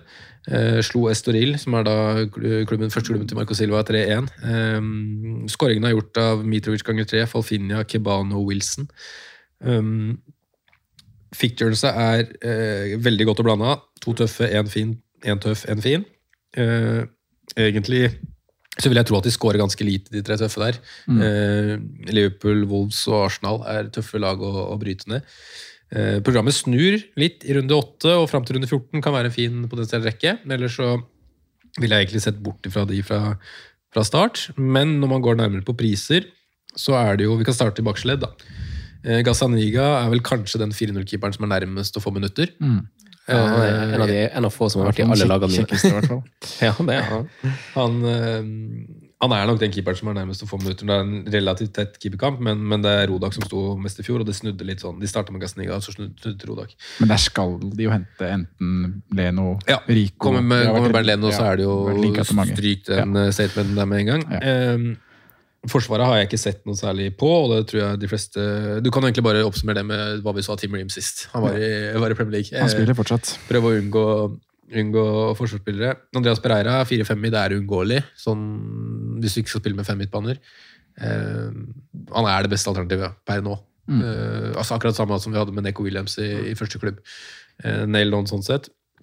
Eh, Får jo vanvittig mye ut av en elver på grunn av Neko Williams og, eh, og Andreas Pereira. Mm. Altså Ja. Klinke spillere som er så billige, så, så hvis du er i den formasjonen ja, nettopp, så hvis du spiller en formasjon som liksom Så får du masse ut av en elver, da. Du kan jo Så- nesten spille med en tier og rullere de to også. Eh, Jeg har ikke sett akkurat hvordan de rullerer, men liksom spille den som har best kamp, det Kan gjøres, går faktisk. faktisk. Ja. Eh, Da har du mulighet til å få inn både Kane og Haaland og sånn og Salah og gud veit. Og Tremium, som vi skal snakke om. Så Ellers så synes jeg jo prisene både på Harry Wilson og Alexander Mitrovic er gode. Mm. Jeg syns de er attraktive. Jeg syns Krus finner mange midtbanespillere som potensielt skal eh, kunne være bedre varp enn Harry Wilson til seks blank. Eh, med 29 målpoeng eh, sist. Jeg tror alderen der er viktig. Uh, Mm. Riktignok en spiller jeg alltid vært glad i sånn, fordi man har trodd at han skal gå gjennom rekkene til Liverpool etc. Og utallige FM-saver og, Mm. og sånne ting. Men en type som er Han er en bedre han er et bedre fantasy-objekt da enn han er en fotballspiller. Hvis jeg forstår meg riktig, Fordi han har de langskuddene, han har vært på litt straffer. Nå er det Mitrovic som tar så lenge han, Ja. ja, han er veldig trigger-happy. Mm. Det er en mer poengplukker enn en liksom offensiv spiller. da. Det er jo et vanskelig prissegment i år. Eh, akkurat liksom den sekserklassen. Hadde det ikke vært for Pedro Neto på 5-5, så hadde det liksom Ja. vært den beste, kanskje. Kanskje. Det er liksom det som er vanskelig. Og så er det jo Alexander Mitrovic, 6,5, eh, 43 skåringer i Mm. fjor. Eh, var en trøbbelperiode hvor han faktisk ble satt ut av laget sist han var i, i Premier League. Mm. Hadde en ok halvsesong i Newcastle der hvor han uh, skåra litt på innhoppene sine og sånne ting, men uh, jeg håper virkelig av hele mitt hjerte at dette blir her. Eh, Nå får han sjansen hele sesongen og skårer Fulham litt mål. Nå blir han fora fordi um, han har potensial til å skåre mange mer enn ti mål også. Mm. Uh, jeg har skrevet eh, eh, tak 13-15 skåringer, forventa 11. Eh, Jeg så du det var et poll i dag på, på Twitter, Simen, Ja. så jeg vet ikke hva resultatet er der. Men hva forventer du Og hva forventer jeg? av skåringer? Jeg tipper han skårer 12 mål. Jeg. Tolv mål. Mm. Jeg tror det er ganske realistisk. Ja, det må da være greit. Og, og da rettferdiggjør han prisen med, med glans, egentlig. Også når, man, når man ser på tolv. òg, det nevnte, nevnte jeg faktisk ikke til deg, Frank, men nevnte til deg, Sondre, og et par Mm. andre. At hvis man ser på liksom hvor bettingselskapene forventer Hvor mange mål skårer han, hvor mange mål skårer han, så er eh, Alexander Mitrovic en av de beste verdiene Mm. på fancy. Det er forventa at han kommer til å skåre 11 mål. Det er der de legger seg, over under 11,5. Mm. Eller det 10,5. Jeg lurer på om det var 11,5. 11,5. Ja. Eh, hvor man sammenligner da med, mm, med Darwin Núñez, som koster eh, 2,5 millioner mer, som ligger på 14. Eh, Jesus lå på 13,5. Eh, så det er Mm. forventa at han skårer mer enn Tony, det er forventa at han skårer mer enn Callum Wilson. ikke sant? Så det blir spennende. Nå, nå er det en veldig Mitrovic-hype, som jeg elsker, som jeg gleder meg til, som jeg skal disse... stå igjennom ja, ja. hele forbanna sesongen. Men det må nye Eh, lyttere vite. Hvert år har vi nye lyttere, og for dem må jo lære at du er, har jo en slags forelskelse og en historie. Ja. Men jeg har ikke noe trua på Fulham. jeg syns laget er Og jeg skjønner at du får det, Simen, når, du- når du leser litt opp på dem. Jeg syns det er ganske grått. Og sånn som Harry Wilson er heller ikke sånn jeg har trua på, liksom. Og så er det noen spillere som bare er sånn gode i championship, og så får, Ja, ja. fikser det. Og så, jeg, jeg tror det har en litt sånn sammenheng også med fysikken. Sånn, han er ganske sped, ikke sånn spesielt rask. Han avhenger veldig mye av foten sin, egentlig, om det er dødball eller om det er langskudd. Han har ikke så masse tid i Premier League, og Fulham kommer ikke til å få så mange frispark.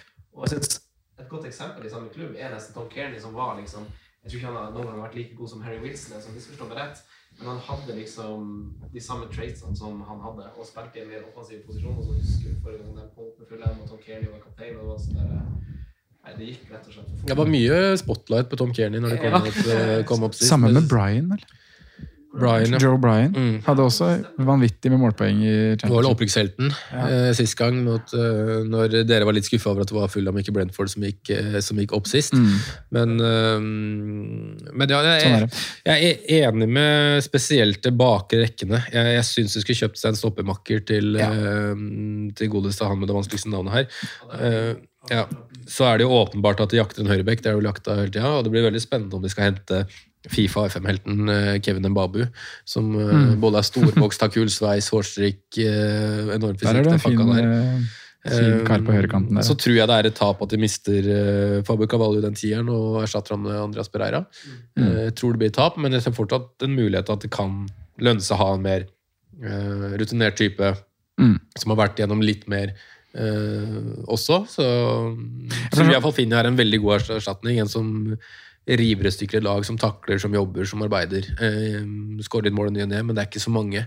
Eh, jeg tror det blir en eh, Altså, det er en landslagsspiller for Portugal. Eh, spilt mange, veldig mange kamper, av vel 100 landskamper eller noe sånt. Så mm, ja, det er en styrke. Når man ser på laget, offensiv sekser, da, hvis du sier det, ta med de to dype og offensiv treer og spiss der, så så spennende. Se, ser bra ut, kan bli noe, men eh, det er bekkene Når det er helt feil, han har bare 15 landskamper. Ja. Men det er bekkene, stopper og keeper da, i hovedsak som det må gjøres noe på, i hvert fall på Team Ream sin posisjon. For han, han var ikke god nok sist han var i Premier League. Når han har hatt et år i Championship. Han har ikke blitt en bedre fotballspiller, han har bare blitt eldre. Eh, det, det, ja, men det kommer jo ikke til å, til å gå. Det er, det er vel kanskje hovedgrunnen til at jeg ser på utsiktene til f.eks. For Forest da, som litt bedre enn Fulham sine. Eh, men så, så, for. Eh, Er ja. de med over Ja, jeg vil jo ha det på førsteplass. Du vil ha, ja, Ja. Du vil ha den på Mm. Um, altså det, er jo, det gjenstår jo fortsatt flere uker av det overgangsvinduet. Og Fulham har jo en posisjon eh, En bedre posisjon enn noen av de andre klubbene som rykker opp, tenker jeg. Både på renommé og liksom de er i London. Og Mm. får liksom Hvis de får de spillerne de linkes til nå Ja. Hvis de tenker eh, de får inn Solomon, de får inn Bernt Leno, de får skaffa seg en stoppemakker til Tosun, og de har en høyreback, så er jeg med på å sette de foran Nottingham Forest. Men jeg tror Forrest har en bedre trener med ganske god margin i Cooper, Mm. eh, og har fått på plass en god keeper, og Jesse Lingard mediterte Jeg tror Wolf Forrest knepper over. Ja, da blir det det. Det blir det, men det er- blir jo det per dags, det vi vet. Jeg tar er nå ut, ut fra hva vi har Ja, ja, av vi er jo nå. demokratiske her, så Ja. vi går jo på um, Bernt Leno har ikke signert. eh, De har ikke fått stopper, de har ikke fått backer. Bak Forest per dags dato. Ja, så har vi, da har vi Forrest, Fullham, Bournemouth-tittel. Mm. Da tar vi en, eh, en liten eh, kaffepause, og så tar vi de to siste lagene for episoden. Da er vi tilbake med dagens to siste lag, eller episodens to siste lag. Vi skal spille inn en episode til rett etterpå. Eh, ja, der var du på Det er ikke Karpe, det. Nei. Erik og Chris, er ikke Erik det? og Chris. Du er i, befinner deg i Bærum, så eh, det er fint å synge litt Erik og Chris her, som eh, jo har eh, Bærum Sportsklubbs låt 'Putt diamanter opp'. Den spiller vi i garderoben etter hver seier, så det er ikke spilt så mye i år, men den spilles av og til. Det hørte jeg på på videregående. Putt diamanter opp er bra. Ja, men eh, det, det her er kanskje en Ja. advarsel som burde ha kommet i forkant av episoden, men de her, du sa det vel litt sånn subtilt, Sondre, uten at det ble liksom med varseltrekanten der, Mm. disse episodene pleier jo å, å, å dra oss litt Dra ut. litt ut, kan man si. Eh, for vi koser oss med researchen, og vi må dykke litt i de ekstra lagene for å gjøre det vi har lovt at vi skal gjøre. Mm. Og eh, altså, Hvis det er et visst lag du ikke vil høre på, så er det bare å hoppe over. faktisk. Man kan, sånn man, man spole til neste. Det, det, det er en mulighet. er, vi Det er har bare jo litt tips. sånn der alt er lov i preseason-episodene. Da holder vi det litt lenger. Da blir det mye prating. Ja. og våre... Folk er sultefora på det her. håper det. Ja, ja, like, ja, ja, ja. Akkurat som oss! Ikke så Vi hopper til Leeds, eh, en klubb det har skjedd utrolig masse. Ja. Eh, Leeds så ut som de var dømt til en ganske eh, dyster skjebne, men ble redda av armhulen, har jeg skrevet i manus på, på tampen der. eh, Og man er jo litt skuffa, for da det, da det ble liksom klart at det her ble en kamp om liv eller død, så, så syns jeg det virka som at Leeds slo de fleste slagene ut i løse lufta. Det er liksom Tapene bare fortsetter. Vi Mm. vinner, taper. Sånn var det. Eh, og og de redda seg da altså på siste dag, som vi veldig godt vet. Og vi vet også at eh, Jesse Marsh Er det sånn man sier navnet siden det er SCH? Så det blir ikke March, liksom? March. March. Han er amerikaner, så jeg vet ikke akkurat uh, March. Ja, liksom bare, han heter jo Stan Marsh i, Stan. Stan, i South Park. Og det skriver sånn på en måte SCH. Så det, det var liksom mye rettesnor her. Eh, Men han kom inn eh, bortene på, på Ellen Road og brakte jo en veldig fin energi til å begynne med. Jeg husker vi tenkte at dette ser bra ut, resultatene går ikke helt uh, veien, men eh, det ser, det ser lovende ut. Og det var vilje å spore der. Uh, Men det dabba egentlig av, og, og Dear Jesse var muligens en sånn finfersk loff i Premier League, men han framsto egentlig litt sånn dum som et brød etter hvert. her, følte jeg, at det, det ble liksom naivt, og, og man prøvde liksom veldig litt nytt. og så føler jeg egentlig til syvende og sist at jeg nesten hadde litt flaks. Mm. Uh, men altså, de hadde flaks som holdt seg, men de er jo samtidig kanskje det laget foregående som var mest uflaks. Eh, mye, mye skader, og ikke minst sentrale skader. Vi hadde jo Kevin Phillips, han spilte kun 20 kamper. Han er nå gått til City, som vi vet. Bamford, han som spilte 38 kamper sesongen før, skåra 17, hadde 18 målgivende, så han spilte kun 9 kamper sesongen som gikk. Eh, ingen av deres midtstoppere spilte mer enn 29 kamper, eh, så veldig lite kontinuitet å spore i, i bakre rekke. Det, altså, de hadde nok vært lenger opp på tabellen hadde det ikke vært for skadesituasjonen, eh, skal jeg eh, våge meg ut på å påstå. Ustabiliteten bak kan vel kanskje også gjenspeiles i, i underliggende tall fra sesongen som gikk. Kun nedrykkslagene Norwich og Burnley mottok flere skudd enn det Leeds gjorde, og kun Norwich slapp inn flere mål enn det Leeds gjorde. Eh, deres talisman, eh, Rafinha, han er jo forsvunnet. Han hadde jo lyst til å dra til Barcelona. Han fikk ønsket sitt oppfylt til slutt. Altså, jeg klarer ikke å forstå hvordan Barcelona eh, driver. Nei, det Jeg så Det er en lang podkast hvis du skal gjennom det der. Altså, nå er det blitt en så jævla møkkaklubb. Jeg så det var en på Twitter som prøvde å, han skulle få, Det var en bra tråd for så vidt. Han skulle forklare liksom hvordan den økonomien Hvordan det funker, det de holder på med. Ja. Jeg, jeg klarte ikke å jeg, For spillere de har, skal ned i lønn, og så handler de, og så handler de Robert Lewandowski han er han liker vel som meg, han fyller 35 i løpet av neste, altså denne sesongen. Og fireårskontrakt! Altså, er det 40 millioner euro, eller hva det er i olje. Altså, jeg tenkte det at når liksom Lewandowski skulle Ja, ja, greit, nå kan du hente dem på free transfer og betale litt. Men 40 millioner! Ja, jeg tenkte akkurat det samme som deg! Er han liksom på free transfer og liksom bare venter på den nye kontrakten i Bayern, og så er det sånn Å nei, han må kjøpes ut! Og så er det sånn OK! oh, nei, det der er helt sprøtt. Og så er det Kundé nå som liksom skal dit, og så var det jo der Rafinha som vi skal tilbake til. Mm. involvert i 41% av skåringene når han spiller for, eh, for Leeds, riktignok. Og, og Philips borte i tillegg, og Nei, det, de, de høster jo ganske masse cash, da, Leeds, og de, eh, vi, de trenger jo kvalitet i alle ledd, også dem, eh, egentlig. Og spesielt kanskje Jeg vet ikke om de har litt fragile spillere. At de er, at de er altså, Jeg husker jo altså, både Jorente bak der og Koch. De, har liksom, de kommer på banen, og så blir de skada og bytta ut liksom, Mm. titt og stadig. Så- Spesielt Jorente har skjedd Ja. mye, altså. Veldig. Så, og det, det, jeg føler jo at det egentlig gjelder samtlige ledd. Eh, og med liksom de midlene de har fått, og litt sånn tilbake til det du var inne på i stad, men med å hente masse spillere, så føler jeg jo nå at de har valgt å spille i usikker hånd, eh, med å signere veldig masse spillere. Og det er liksom å spille liksom en eh, knekt åtte ved et pokerbord. da. At du, at, du, at du henter masse, at du sprer midlene masse, og, og de skal gjøre en stor omveltning på kort tid når de har mista sine to, to viktigste spillere. da.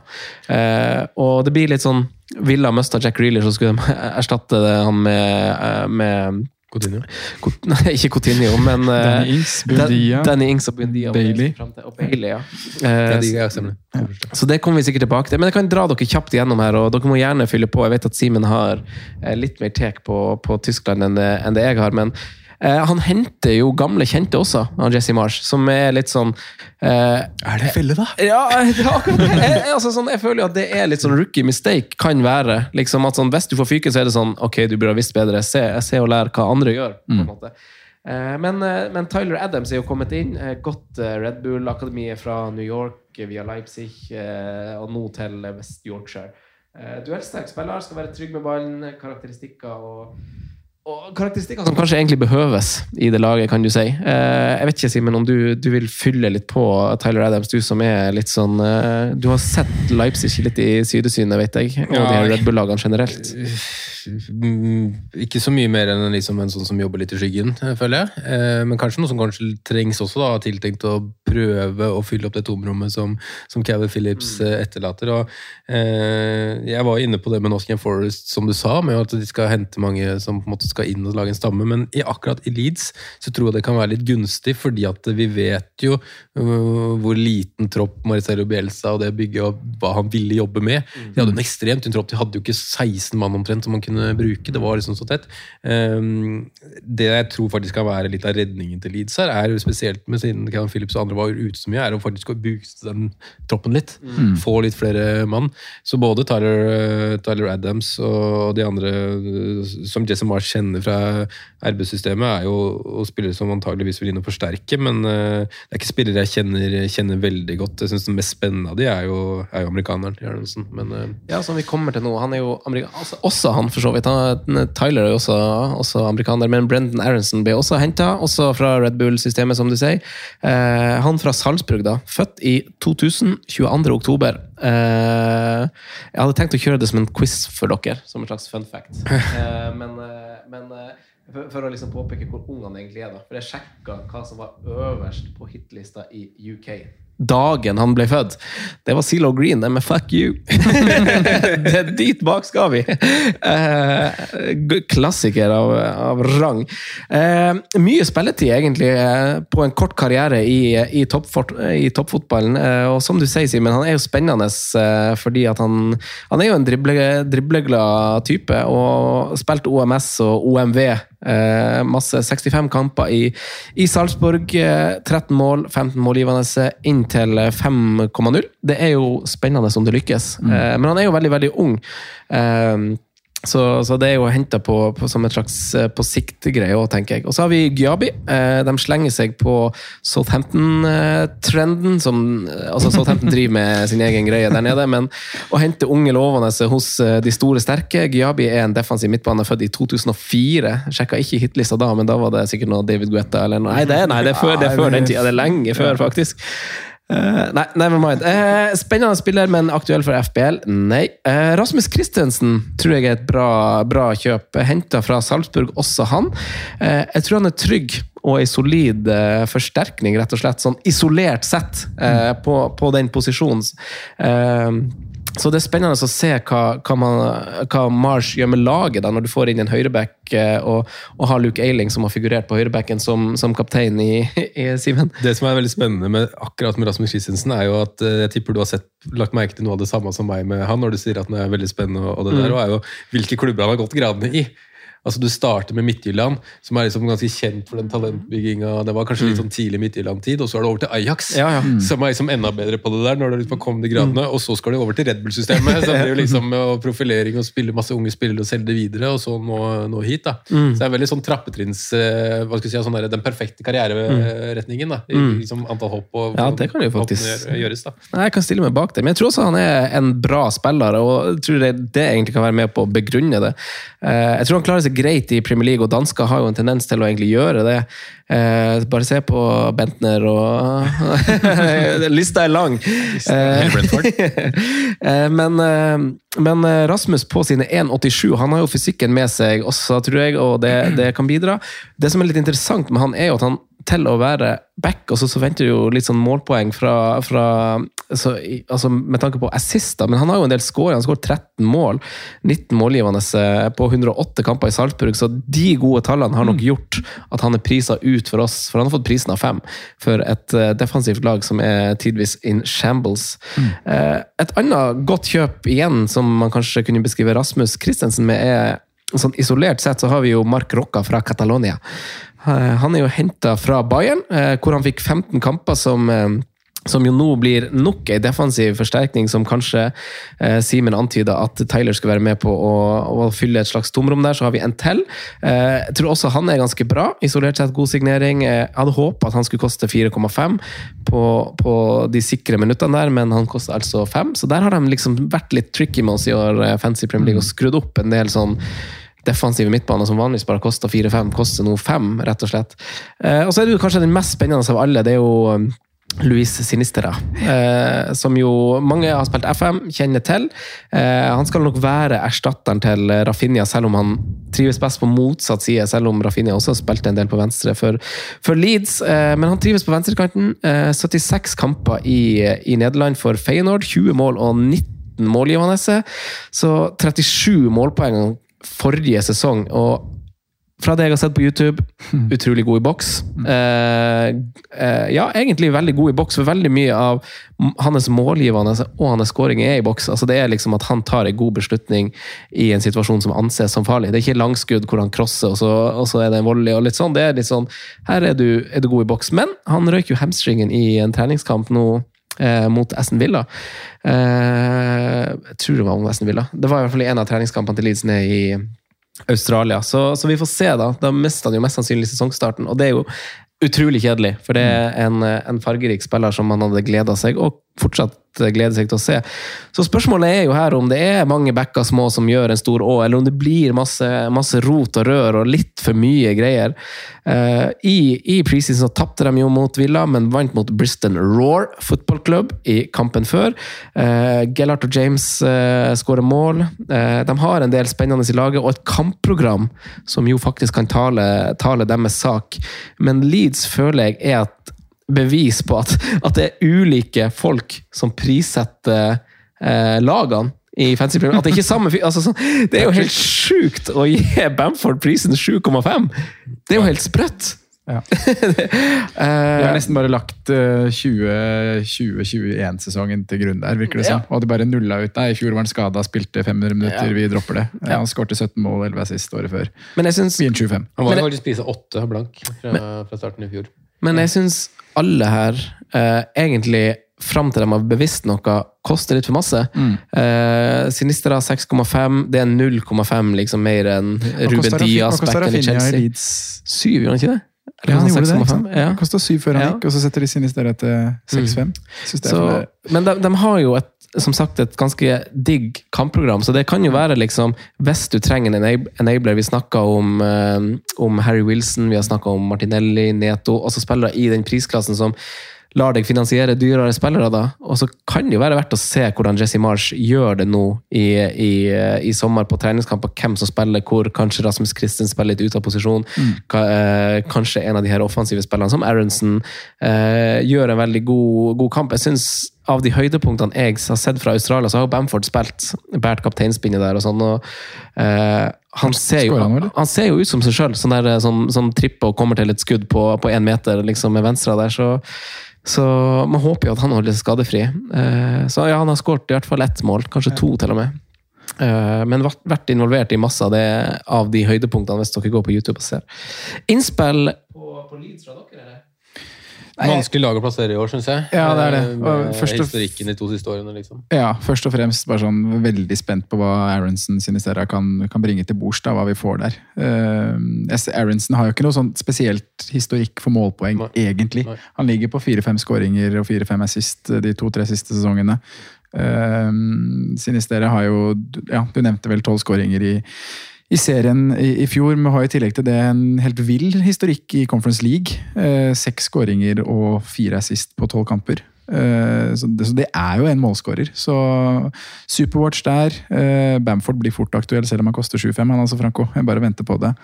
Eh, men utover det, så Du har jo keeper, da. Melier må jo også dras inn i diskusjonen. Han er en mann man faktisk kan gå med fra start. Eh, du nevner eh, det fine kampprogrammet der, og han, han er jo den som redda mest i i ligaen i fjor, og er vel også den keeperen som eh, jeg tror han har en redning per 20. minutt. eller noe sånt. Jeg satt og så på det her i, i går.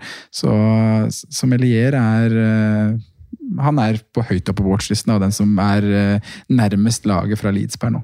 Ja, og jeg skulle, skulle nevne det og, og styrke kanskje liksom hans posisjon med tanke på at de mottar så mye skudd som de gjorde. Mm. Eh, nå gjenstår det å se. Nå, altså, det blir jo tilsynelatende et helt nytt lag. Hvis, du ser på venstresida nå, så er det jo fortsatt veldig mange viktige skada spillere i det laget. Mm. Eh, Eiling og Dallas og nå James også blitt skada, tydeligvis. Og i tillegg da Sinistra. Det er ikke så langt unna at vi får Leo Gjelde fra start i første runde i Premier League. Nei, han kan, eh, kan ligge inne på venstrebekk, det. Eh, Rodrigo var jo vanvittig god i innspurten i fjor. Han husker jeg jo vi dro fra ja, for han dro vi jo fram som en mulig joker i, i spisslandskapet der de siste fem-seks rundene. Velger å dra han opp som en joker igjen. Mm. Et sesongstartjoker. Eh, omreisende spiss, som han er klassifisert som på FN. og i. Det er, eh, ekstra mer tid i, i Leeds. Så, så Nei, jeg har egentlig litt, sånn, litt trua på, på han kanskje fra sesongstarten, hvis jeg skulle ha valgt noen eh, i Leeds. Og de har jo et fint, eh, fint kampprogram i starten, de sju første kampene til Eller ikke ganske lenge, faktisk. Eh, De har liksom, eh, Man kan ikke bli for lurt av de fargekodene. Det er liksom United og, Chelsea som er de. Topplagene i anførselstegn. Jeg så hva du gjorde der, Franco. Eh, går dere Claesson hvis dere går med Lier, eller er dere redd for å blokke en lead-spot der? Ja, da kan jeg gå Claesson, tror jeg. Du går klar som, ja. Der har du en sikker keeper. du Jeg er ikke så redd for at jeg kommer til å ende opp med fire eh, Leeds-spillere. Altså, Når, som, eh, når godeste Sinisterra har banka inn, eh, og Bamford i fy- fyr og flamme. banka inn borte mot Saints der i runde to. Ja, det, det jeg tror da, altså Selv om på en måte kanskje March uh, sier at han skal ta laget til en ny høyde da, og liksom på en måte komme tilbake dit, eller overgå på en måte hva som ble gjort av Marcelo Bielsa i første sesong, så tror jeg på en måte det blir gjort på en litt annen måte. Mm. Jeg tror ikke det blir med fire skåringer her og der, og skåre tre selv om de taper mot Liverpool, og liksom den biten der, hvor du fikk masse målpoeng uansett hvordan det gikk med Leeds. For at uh, Leeds kunne samme for en, en FPL-manager hvordan det gikk med Leeds. De skårte tre uansett, eller skårte to. Ja, det. Eh, Jeg tror ikke vi får de, de tilstandene tilbake. Og derfor syns jeg det er synd, og som var inne på, at uh, Sinister er kanskje litt for dyr. Um, Rodriga er for så vidt en helt fair pris hvis han skulle starte som spiss og ligge på 6-0 midtbane, men bam, for det er for dyr. Uh, nå får vi se hva det blir med, blir med Luke Ailing og sånne ting. Da. Men han blir vel antageligvis Eller kan være at han blir trukket mer innover, eller på motsatt bekk, hvis vi skal bruke Christensen. Så um, det er ikke så mye interessant, egentlig. Jeg tror ikke de kommer til å mure igjen bakover. Derfor er egentlig ikke forsvarssjekka interessant. Eh, Harrison er vel på litt sånn nedadgående kurve. Eh, Glimta til i fjor, han. Periode ja, var veldig, det var veldig mer interessant med Biel- og han, altså. Ja, det var det. Newcastle? Ja, Newcastle. Det var oppmerksomhet til det, så det er jo. Eh, Men hvor skal vi ha dem på tabellen, eh, gutta? Er de Ja. over de nyopprykka, eller er de midt imellom? Eller er de nederst? Eh, Jeg vil egentlig ha dem mellom Forest og, og Fulla, men i motsatt rekkefølge. Ja, nå er vi der, ja. Der, der, der, der, der sant? Eh, ja, så da vil du ha de bak Fulham, da? Jeg vil ha de bak Fulham. Ja, jeg tror fort vekk jeg har de øverst. Jeg kan jo Men det, her, det er litt sånn der make it or break it, føler jeg. Som Enten så går det, eller så blir det et voldsomt kjør. For den backrekka er tynn, altså, hvis ikke det skal flyte. Ja, jeg syns egentlig Ja. Så kan liksom få, få hjulene i gang før de møter Mm. de lagene som virkelig kan kjøre. Ja, jeg syns egentlig Bekkrekka er ganske god, ja. Altså, Ja, ja, men ikke, altså, jeg, jeg, jeg sa det, ma- jeg sa det mange Skadefritt ja, er det ja, ja. Hvis de får Dallas, Ailing, Firpo inn Jeg, sa, jeg sa det mange ganger i fjor, men jeg syns Stroik er knallgod. jeg. Jeg tror Han kommer til å komme til en stor klubb. Jeg tror det er neste sommer fort at han blir kjøpt til en, eh, til en stor klubb. Um, jeg er enig i at du trenger eh, stabilitet på minst én av Lorente og Robin Koch for at det skal, skal fungere der. Um, vi får se om Rasmus Christen kanskje er enda bedre enn Luke Ailing, for jeg føler jo på en måte at Luke Ailing har levd litt på det der eh, ekstreme arbeidskapasiteten og løpsstyrken. At det, det kan fort være at det finnes bedre høyrebacker enn Luke Ailing. Kan hende. Nå har det rett og slett vært for dårlig den sesongen som gikk også. Ja. Egentlig at liksom første sesongen til Bielsa i Premier League, der overpresterte vi, og så så man beseilig ansiktet i, i sesong to der, at det er rett og slett bare noen som ikke er gode nok. Det er ikke mange lag som har overlevd på tredje sesongen med Marcelo Bielsa. Det, det ser jo historikken eh, veldig greit. Men, Og der er vel grunnen til alle skadene òg. Men, Uten at vi skal dra Ja, og- og langt. Men tre, treningsregimet som Bielsa har kjørt, Ja, klart det blir sitasje slitasje på sikt. Men Ja. også, også tynn trått. Altså, ja. Skades merkes jo mer når du har en 18-mannstropp enn når du har en 25-mannstropp. Mm. Det er ikke noe tvil om det. det er ikke, det er ikke et arvegods du vil, vil motta i hendene dine. Nei. Men nå har de kjøpt, de har brukt mye penger da, på, Mm. på midtbanen. På sentrallinja si, på defensiv midtbane. Men Og jeg tror det er sentrallinja som må styrkes, og akkurat de to sentrale midtbanene, dem har jeg litt trua på. ja, Tyler Adams og han uh, Rocca, ja. eh, kan bli eh. Funker de, da, og lager et skjold foran Forsvaret, så kan dette bli bra, det. Melier må jo, Vi nevner Nei, han som en god ta fantasy-keeper, men Melier tapte jo veldig mye kamper for Leeds i fjor og er fortsatt en ung keeper. Mm. Så, men han skal satse på, for han er et kjempestort talent. Men øh, ja. Da har vi Leeds øverst, gutta, over de tre, tre nyopprykka, og ja, altså, Ja, han, han samtykka. Du er enig. Okay. Er du uenig? Jeg hadde tenkt å bli med deg, Simen, men da dytter vi det opp, da. Trøkket på, på Goodison sies at egentlig redda Everton, eh, Sondre. Eh, sesongen som kommer, da. Er det Ja, nå skal jeg først skrive inn Leeds her, da. For jeg må jo bare Han er uh, sekretær samtidig som han skal notere, overta. eh, før jeg begynner å prate. Men uh, Everton, ja. Så Ja. sa du, Franco. En gang til. De, de, altså, de ble, ble, dem ble redda, sies det, av trykket. Av den tolvte mann på innspurten. Den. Rett og slett. Ja, Eh, Frank Lampard han klarte det Rafa Benitez ikke klarte, å dra, dra med seg Gudisen ja, og få en ekstra spiller på banen og, og alt det der. Eh, Men det er nesten, ja, du kan nesten si at de ble redda av, tolvte mann Richarlison og Pickford. Det var vel de tre som sto fram i innspurten. Um, Det er bra du nevner det. Pickford var god på ja, ja, glemmer ikke keeperen jeg. Det skal du ikke ta meg på. Men hva nå?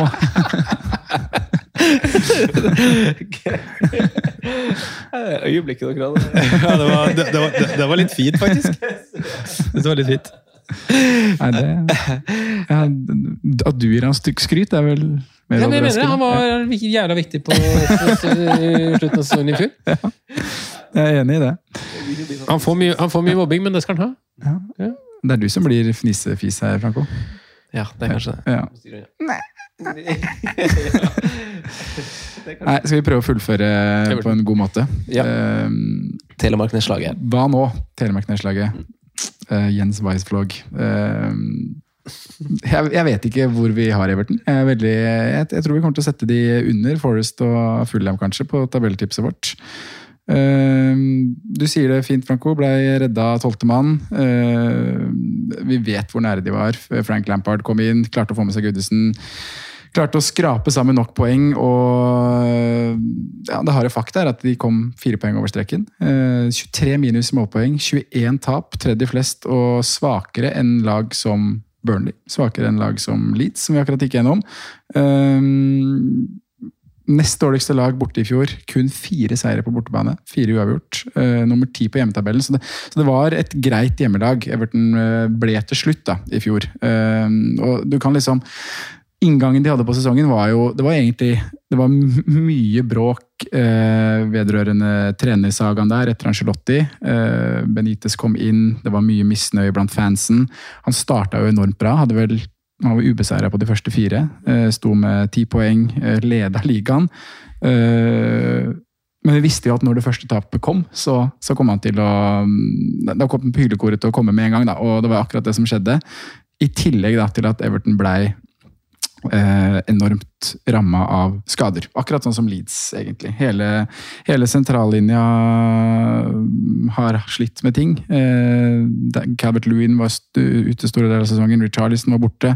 Eh, de hadde problemer i, i backrekka. Eh, I tillegg til det så har de, de har fem kamper med røde kort. Eh, tre av de røde korta kom tre kamper på rad. Eh, så det er så mange faktorer som en trener ikke kan få gjort noe med, da. Eh, og som, ikke kan, som man ikke kan påvirke, påvirke fra, fra sidelinja. Eh, men jeg, tror liksom fjorårssesongen er varsko for Everton. Eh, man fikk en advarsel. Vi trodde vel nesten at de kom til å gå ned i fjor. Vi satt der i februar og, og skulle spå innspurten, og da Ja, det, det kommer til å stå mellom eh, Everton og, og Leeds, trodde vi. Burnley hadde så mange hengekamper at de, de må vinne noen av de og klare det. Eh, Så ble, ble ikke Burnley gode nok og, og tok den siste nedrykksplassen der. Men uh, man fikk varsko der, og da, da regner man jo på en måte med at det skal, det skal skje noe. da, skal, her må det hentes inn spillere, det må gjøres noe. Men det harde fakta er at Everton har jo ikke penger til å hente noe. Jeg hørte på, på Viaplay sin Premier League-podkast forrige uke, hvor, hvor Aksel Pedersen eh, var gjest, Everton-mann. og Han snakka fint om liksom hvordan driften i klubben har vært de, de siste sesongene. Så hvis du hører, hører mer om det, så kan man jo høre den podkasten hvor han snakker liksom om alle kjøpene som er gjort, og hvordan det både har vært, det har vært bomkjøp og bomkjøp til store summer. Man har ikke klart å, å selge noen spillere videre når man, når man har gjort det i år, Det er Mary Richarlison. Men, men eh, det er ikke penger å handle for, og da, da, da ser overgangslista inn ut sånn som den gjør, med James Tarkovsky er eneste mann inn på free transfer, og ellers er liksom ingenting å snakke om. De er, er evig ond sirkel med financial fair play. Mm. Det har vært lenge, det som har vært inne på. Nå var det vel noen demonstrasjoner utenfor Goodison Park også forrige uke. Med misfornøyde supportere hvor at det ikke skjer noe nytt på, på overgangsvinduet. Men du må, må arrestere deg på en liten ting, da, for uh, Everton havna jo på samme plassering som da Blen, nei, Rafa Benitez eh, forlot skuta. Ja. Eh, det har ikke kommet seg opp med, med Frank Lampard, og det var med et nødskrik eh, at han eh, ikke leide dette Men de til. Større fiasko enn det var, da. De var vel lenger ned en liten periode. Ja, de, han forlot de på 16.-plass, det endte på 16.-plass. Ja, men de var, ja, Han tok de ned og så opp igjen. Ja, okay, riktig sånn, ja. Så sånn sett kom de seg opp. Ja, men det der er. Altså, vi så jo, så jo Everton eh, forrige sesong, og jeg husker jo Det var jo grått. Ja. Det var, Ja, det var liksom grått. energi som redda dem på slutten, og Ja. viljen liksom til at her, her er nebb og klør. Mm. Liksom. Men eh, altså, jeg synes jeg er jo fortsatt langt ifra overbevist av Frank Lampard i det hele tatt. Egentlig. Ja, ja. Selv om, selv om det, det, det skorter liksom på spillere inn og sånn, jeg er veldig skeptisk til at han klarer å, å liksom gjøre med en tropp også, egentlig. Mm. Sikkert fin fyr og liksom den pakken der, men han har, han har også beviser fortsatt. Det funka ikke så bra i Chelsea, og vi snakka om det da han ble ansatt da også. Sånn, det han gjorde i Derby også, det var ikke sånn derre eh, ble vel tatt til playoff, da, sånn, men det var ikke sånn der eh, altså Så man på tallene der, så var det sånn Der har dere også egentlig hatt litt flaks, altså. Mm. Det er et godt mannskap som liksom har klart det. Og grunnen til at, eh, eller En av hovedgrunnene til at Derby gjorde det veldig bra denne sesongen, der også, var jo to innleide stjerner fra nettopp Chelsea fra, fra Liverpool, i Harry Wilson og Mason Mount, Mm. som sto for veldig mye av det offensive som skjedde, skjedde der. Um, jeg er helt enig. Frank Lampard har ikke bevist egentlig noen ting. Mm. Uh, Ja, han viser jo sånn veldig sånn, Han har store svakheter i det taktiske, da. Det er egentlig det man, han, han leter jo fortsatt etter sin, sin måte å spille fotball på. Mm. Uh, og det tror jeg og det gjør, virker som han gjør også nå i preseason med Everton. Og det handler selvfølgelig om mannskapet han har, og han vet ikke hva som er best for det. Uh, han har midt Svak sommer òg. Ja, de, har, de fikk jeg så en, en etterlengta De har bare spilt tre kamper, faktisk. De tapte 2-0 mot Arsenal, tapte 4-0 mot Minnesota United, og så fikk de seg noen etterlengta seier mot Blackpool, da. 2-4. Eh, Men den Minnesota United-kampen er jo det er sånn derre det er varseltrekant. Eh, For da spiller de vel tilnærma toppa lag, og de har Den kampen går de vel ut i en med en bakre firer. Eh, og du har nå stoppere som Tarkovskij, Jeremina, Michael Keane, Godfrey, Holgate, som alle kan spille stoppere, men ingen av de eh, håndterer det å spille i en toer i den type fotball som Everton eh, spiller nå, da. Eller en firer, da. Backfirer. Mm. det er noe annet for Tar Tarkovskij å være en midtstopper med to stoppere i Burnley, hvor de skal ligge lavt, hvor de skal slå langt. Det er lite rom å dekke. Eh, det er annerledes i Everton, for de vil jo spille fotball. Mm. men du, du har på en måte ikke mannskap til å gjøre det med, med den eh, fireren her. Og de prøver på det samme i, i 3-4-3-system. Det var det de spilte mot Blackpool, og da er det vel Tarkovskij, Mina og Godfrey som spiller bak der. Eh, fungerte jo bedre, eh, men de slipper inn to mål. Eh, men det er vel offensivt man liksom sier at det fungerer bedre, da. De har Patterson og Mikolenko. Her kan man sette en sånn obs-obs, dette kan bli spennende på, på vingbekkene. Patterson koster vel 4-0. Eh, veldig offensiv mot Blackpool. Eh, er jo henta for, for en god sum i, i fjor, skal erstatte Coleman. Eh, bør satses på for Everton, for de har liksom ikke De kan ikke bruke penger på bekker og så benke de eh, når de ikke har penger i det hele tatt. Så, så, så det virker som han skal spille. Eh, Mikolenko var jo inne på, på noen lag allerede i innspurten i fjor, og nå hadde han vel tre assist og en scoring. Eh, nå mot Blackpool, eller om det var Bingbekkene til sammen som hadde tre assist og en scoring. Det var kanskje sånn det var. Eh, begge to er offensive da, når de får spille i det 3-4-3-systemet. Eh, så, så, så der kan man jo følge med. Um, offensivt så Avhengig av hvordan de liner opp, selvfølgelig. Men nå så jo Dele Alli plutselig eh, ut som gamle, gode Dele Alli i kampen mot Blackpool. To skåringer. eh, Spiller jo da i en litt sånn hengende de tar eh, I fronttreeren så legger de Dominic Calvert-Lewin eller Rondon da, i det tilfellet her på topp. Og så var det Gordon og Ally som opererer bak, eh, bak spiss. og Begge koster 5-5. eh, Begge kan bli spennende. Eh, Anthony Gordon fikk jo på en måte gjennombruddet sitt i fjor og var jo da en spiller til, til 4-5 som han hadde inne. var helt naturlig å, å se til han når han spilte fast til den prisen. Eh, I år 5-5. Vi skal diskutere andre 5-5-spillere i Wolverhampton Neto eh, som kanskje er mer spennende enn det Anthony Gordon er, selv om han har fått drakt nummer ti. Eh, så um, Gray også er jo det, den prissjiktet der. Samme pris skal, skal slåss om, om den, eh, den plassen der, da. Så um, Nei, jeg, jeg, ah, jeg, jeg får liksom ikke jeg er ikke positiv på Everton sine vegne. Altså. Jeg er ikke det, selv om det er, noe, det er spennende fotballspillere her, men det er systemet og først og fremst det defensive da, som gjør meg veldig usikker på hvordan dette kommer til å gå. Ekstremt bekymra. Mm. Og Franco pinpointer det med min hovedgrunn, som er Frank Lampard. Eh, Mm. Jeg tror nesten største sjansen for at Everton skal klare seg, er om han fyker tidlig. Eh, og i tillegg så er de ekstremt uh, svekka. Men Mister sin klart beste fotballspiller. Men skal ikke glemme det heller. Og som du sier, kanskje ikke har nesten råd til å få inn en forsterkning. Jeg tror faktisk, jeg tror faktisk at Torkowski er et smart move. da. Han har Mm. vært nede i kampene før, han veit hvordan det er å krige nede der, ta i et tak og kanskje gå inn som en litt type leder bak der. For det har nesten, nesten uh, ligna som at de har mangla litt ryggrad defensivt. Ja. Uh, og få en som kanskje Ja, kan Michael Keane har vært helt forferdelig når det har bikka imot. Ja. Uh, Godfrey og Holgate er jo De har liksom ikke erfaringen til å stå fram i sånn situasjon som de har vært i, så de må få inn en sånn type leder, og det kan man jo håpe at Torkovskij er, da. Ja, så det, det tror jeg kan være smart move. Og så er det litt sånn skremmende også, at den offensive spilleren som, som de virker som, som er i best form i preseason, og den de skal, skal, skal stole på og liksom lene seg på, det er, det er han heter Dele Alli Mm. eh, i 2022. Det er liksom eh, Jeg veit ikke hvor mye jeg tror på det, altså. Det er bra han kom seg etter den missen han hadde på streken der. Men altså, den bortetabellen Ja. eh, som du nevner, da altså, de To 19 seire, fire tap. De er på 19.-plass på bortetabellen Ja. eh, sesongen som gikk, så de har jo noen klare svakheter. Men som du sier, Sondre, så når du liksom scroller det laget der og ser på, på spillerne spiller for spiller, så er det et ganske godt lag. Altså sånn eh. Misforstå meg rett. Altså, du har liksom Kenneth Lewin, du har Allen, du har Dokoré, og du Ja. har eh, Kant. Tom altså. Davies har vært helt fantastisk i, eller helt fantastisk, men han har vært lyspunktet da, i disse kampene mot Arsenal og Minnesota United. Jeg har hørt. Nei, for å runde det av, så, så har jeg eh, Everton øverst av våre vårt lag nå, fordi jeg tror at Frank Lampard kommer til å få sparken.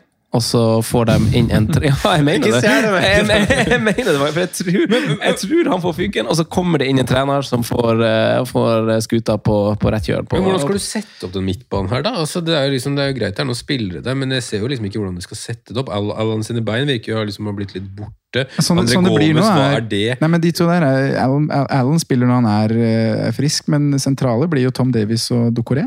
Og så kommer de til å spille med Patterson og Mikolenko på kantene. Eh, Gray, Dele Alli, Gordon i En sånn- hengene. De, to av de tre i hengene.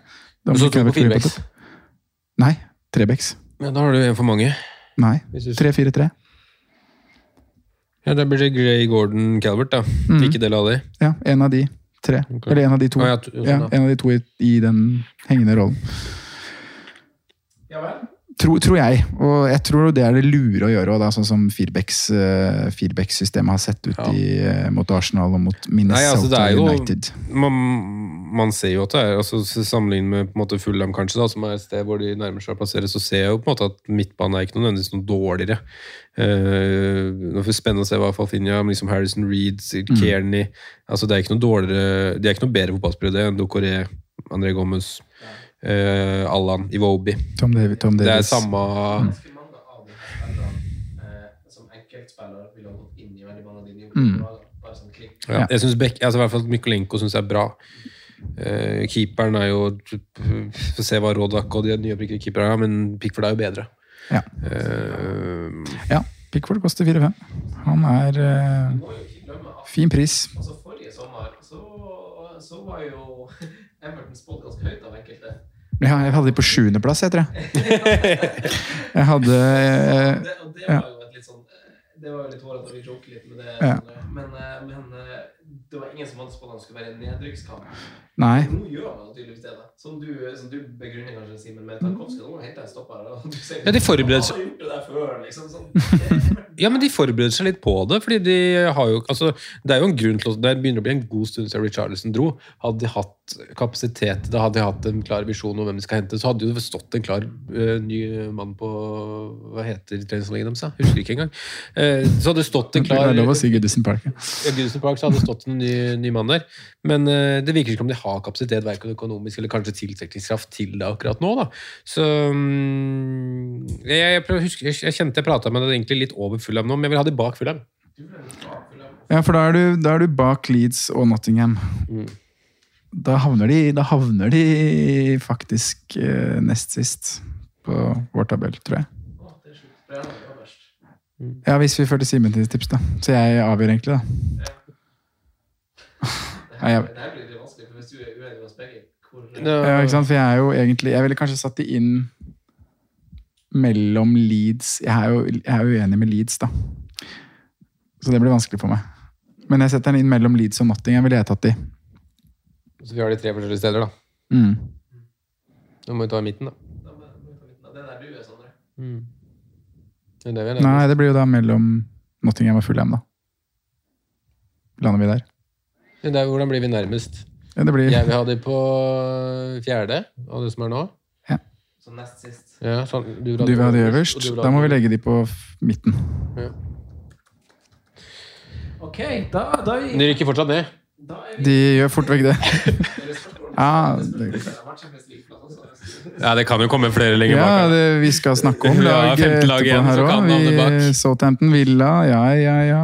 Men eh, kan ikke du ta en oppsummering på, på hvordan tabellen ser ut Vi har i bunn Bournemouth.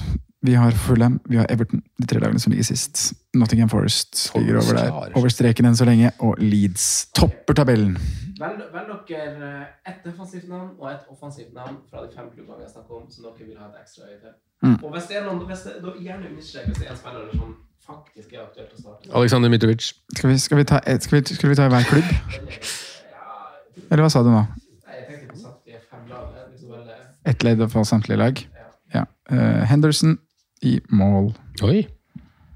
Henderson i kassa er spiller. En keeper. Ja, du, ja, det. Glemmer aldri keeperen, vet du. Ja, keeper. Da blir det vel kanskje Melier fra meg. Ja. Eh, Simen, bra keeper. Eh, nei. Nei. Jeg vil godt ta Melier, da. Ja, du får kanskje gjøre det. Ta han da, Simen. Bare pga. den rekka du nevnte i stad. At det liksom kan være noe i starten der. Kanskje. Nå er i gang. Eh, Forsvarsspillere, Sondre. Hvem var det der? Meko Williams. Ja. Klink, klink, klink. Klinkesen. Ja, jeg blir med på den. Fått spørsmål, masse spørsmål om den på Instagram også. Eh, Han er klink. Men det er jo på Andreas Pereira også. Ja, fikk spørsmål på Instagram. Mm. Ja, eh, det er Andreas Pereira som er midten, eller? Eller søk, eller er dere åpen for en joker? Tar årsak på Barry Wilson. jeg. Vi kan jo, vi kan jo finne en joker liksom utover vi, Andreas Pereira er jo åpenbar å gå til hvis man skal ha en 4-5 midtbanespiller. Ja, så kan du Men hvis- han, på en måte. Ja, hvis vi har lyst til å ha noe snadder. Da er min Rodrigo. Ja. Sånn generelt, eller hvis det skulle bli en plass i starten, liksom. Ja, hvis det skulle bli en plass i starten. Men utover det så er jeg litt spent på, på Og det blir jo liksom med egen research. Da er jeg litt spent på han uh, Jaden Anthony som kantspiller i Bournemouth. Og egentlig litt sånn ung i Bournemouth. Men Ja. Mm. ikke som fancy valg fra start. Kommer til å dunke inn mål i Bournemouth. Altså. Hadde ikke han eh, Det ble mye skåringer. Han han er ute i sesongstarten, han uh, Sinisterra, eller? Ja, han hamstringen. Ja, for det er bekrefta at han kommer til å være ute en god stund. Nei, det kan ikke flagge på spillet, tror jeg. Nei, var det så? Ja, Så han ble jo bytta ut. der. Nei, hamstringer, Ryke hamstringer pleier å være et par dager, det. Altså, om og lov. Ja, ja. Det der eh, reparerer seg med en flaske Bacardi Ras. Det Lemon. Beste restitusjonsdrikken. Harry Wilson. Uh, er det meg, da?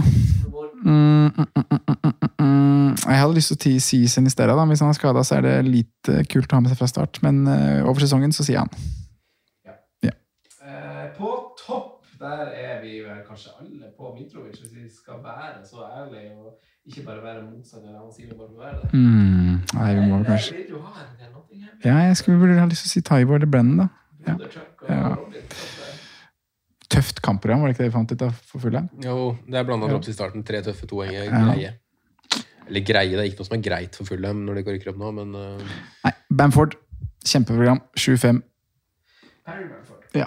God pri veldig god pris. Da, Underprisa. da skal vi si takk og farvel for denne episoden. Og så holdt du ut hele veien, så er det bare å gratulere med den dagen og takke for oss. Jeg tror det er sesongens Nei, sesongens, ja. Jeg tror det er i hvert fall sesongens lengste, men jeg tror faktisk det er tidenes lengste Fancy Råd-episode. Oi.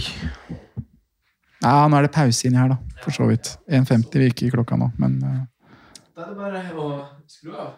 Takk for laget, gutta. Vi skal Tissen. Tiss, tiss, tiss, tiss, i bakken? ja. Jeg vet ikke om du er klar for en episode til i kveld? Da steg vi ha det. Ha det.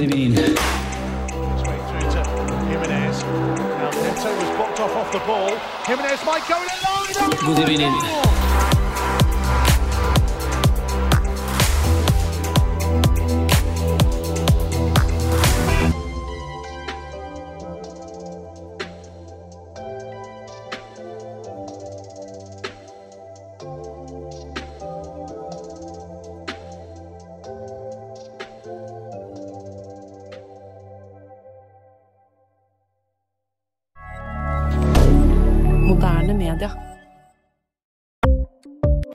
Ukens annonsør er Folio, en smartere banktjeneste for deg som har en egen bedrift eller ønsker å starte for deg selv.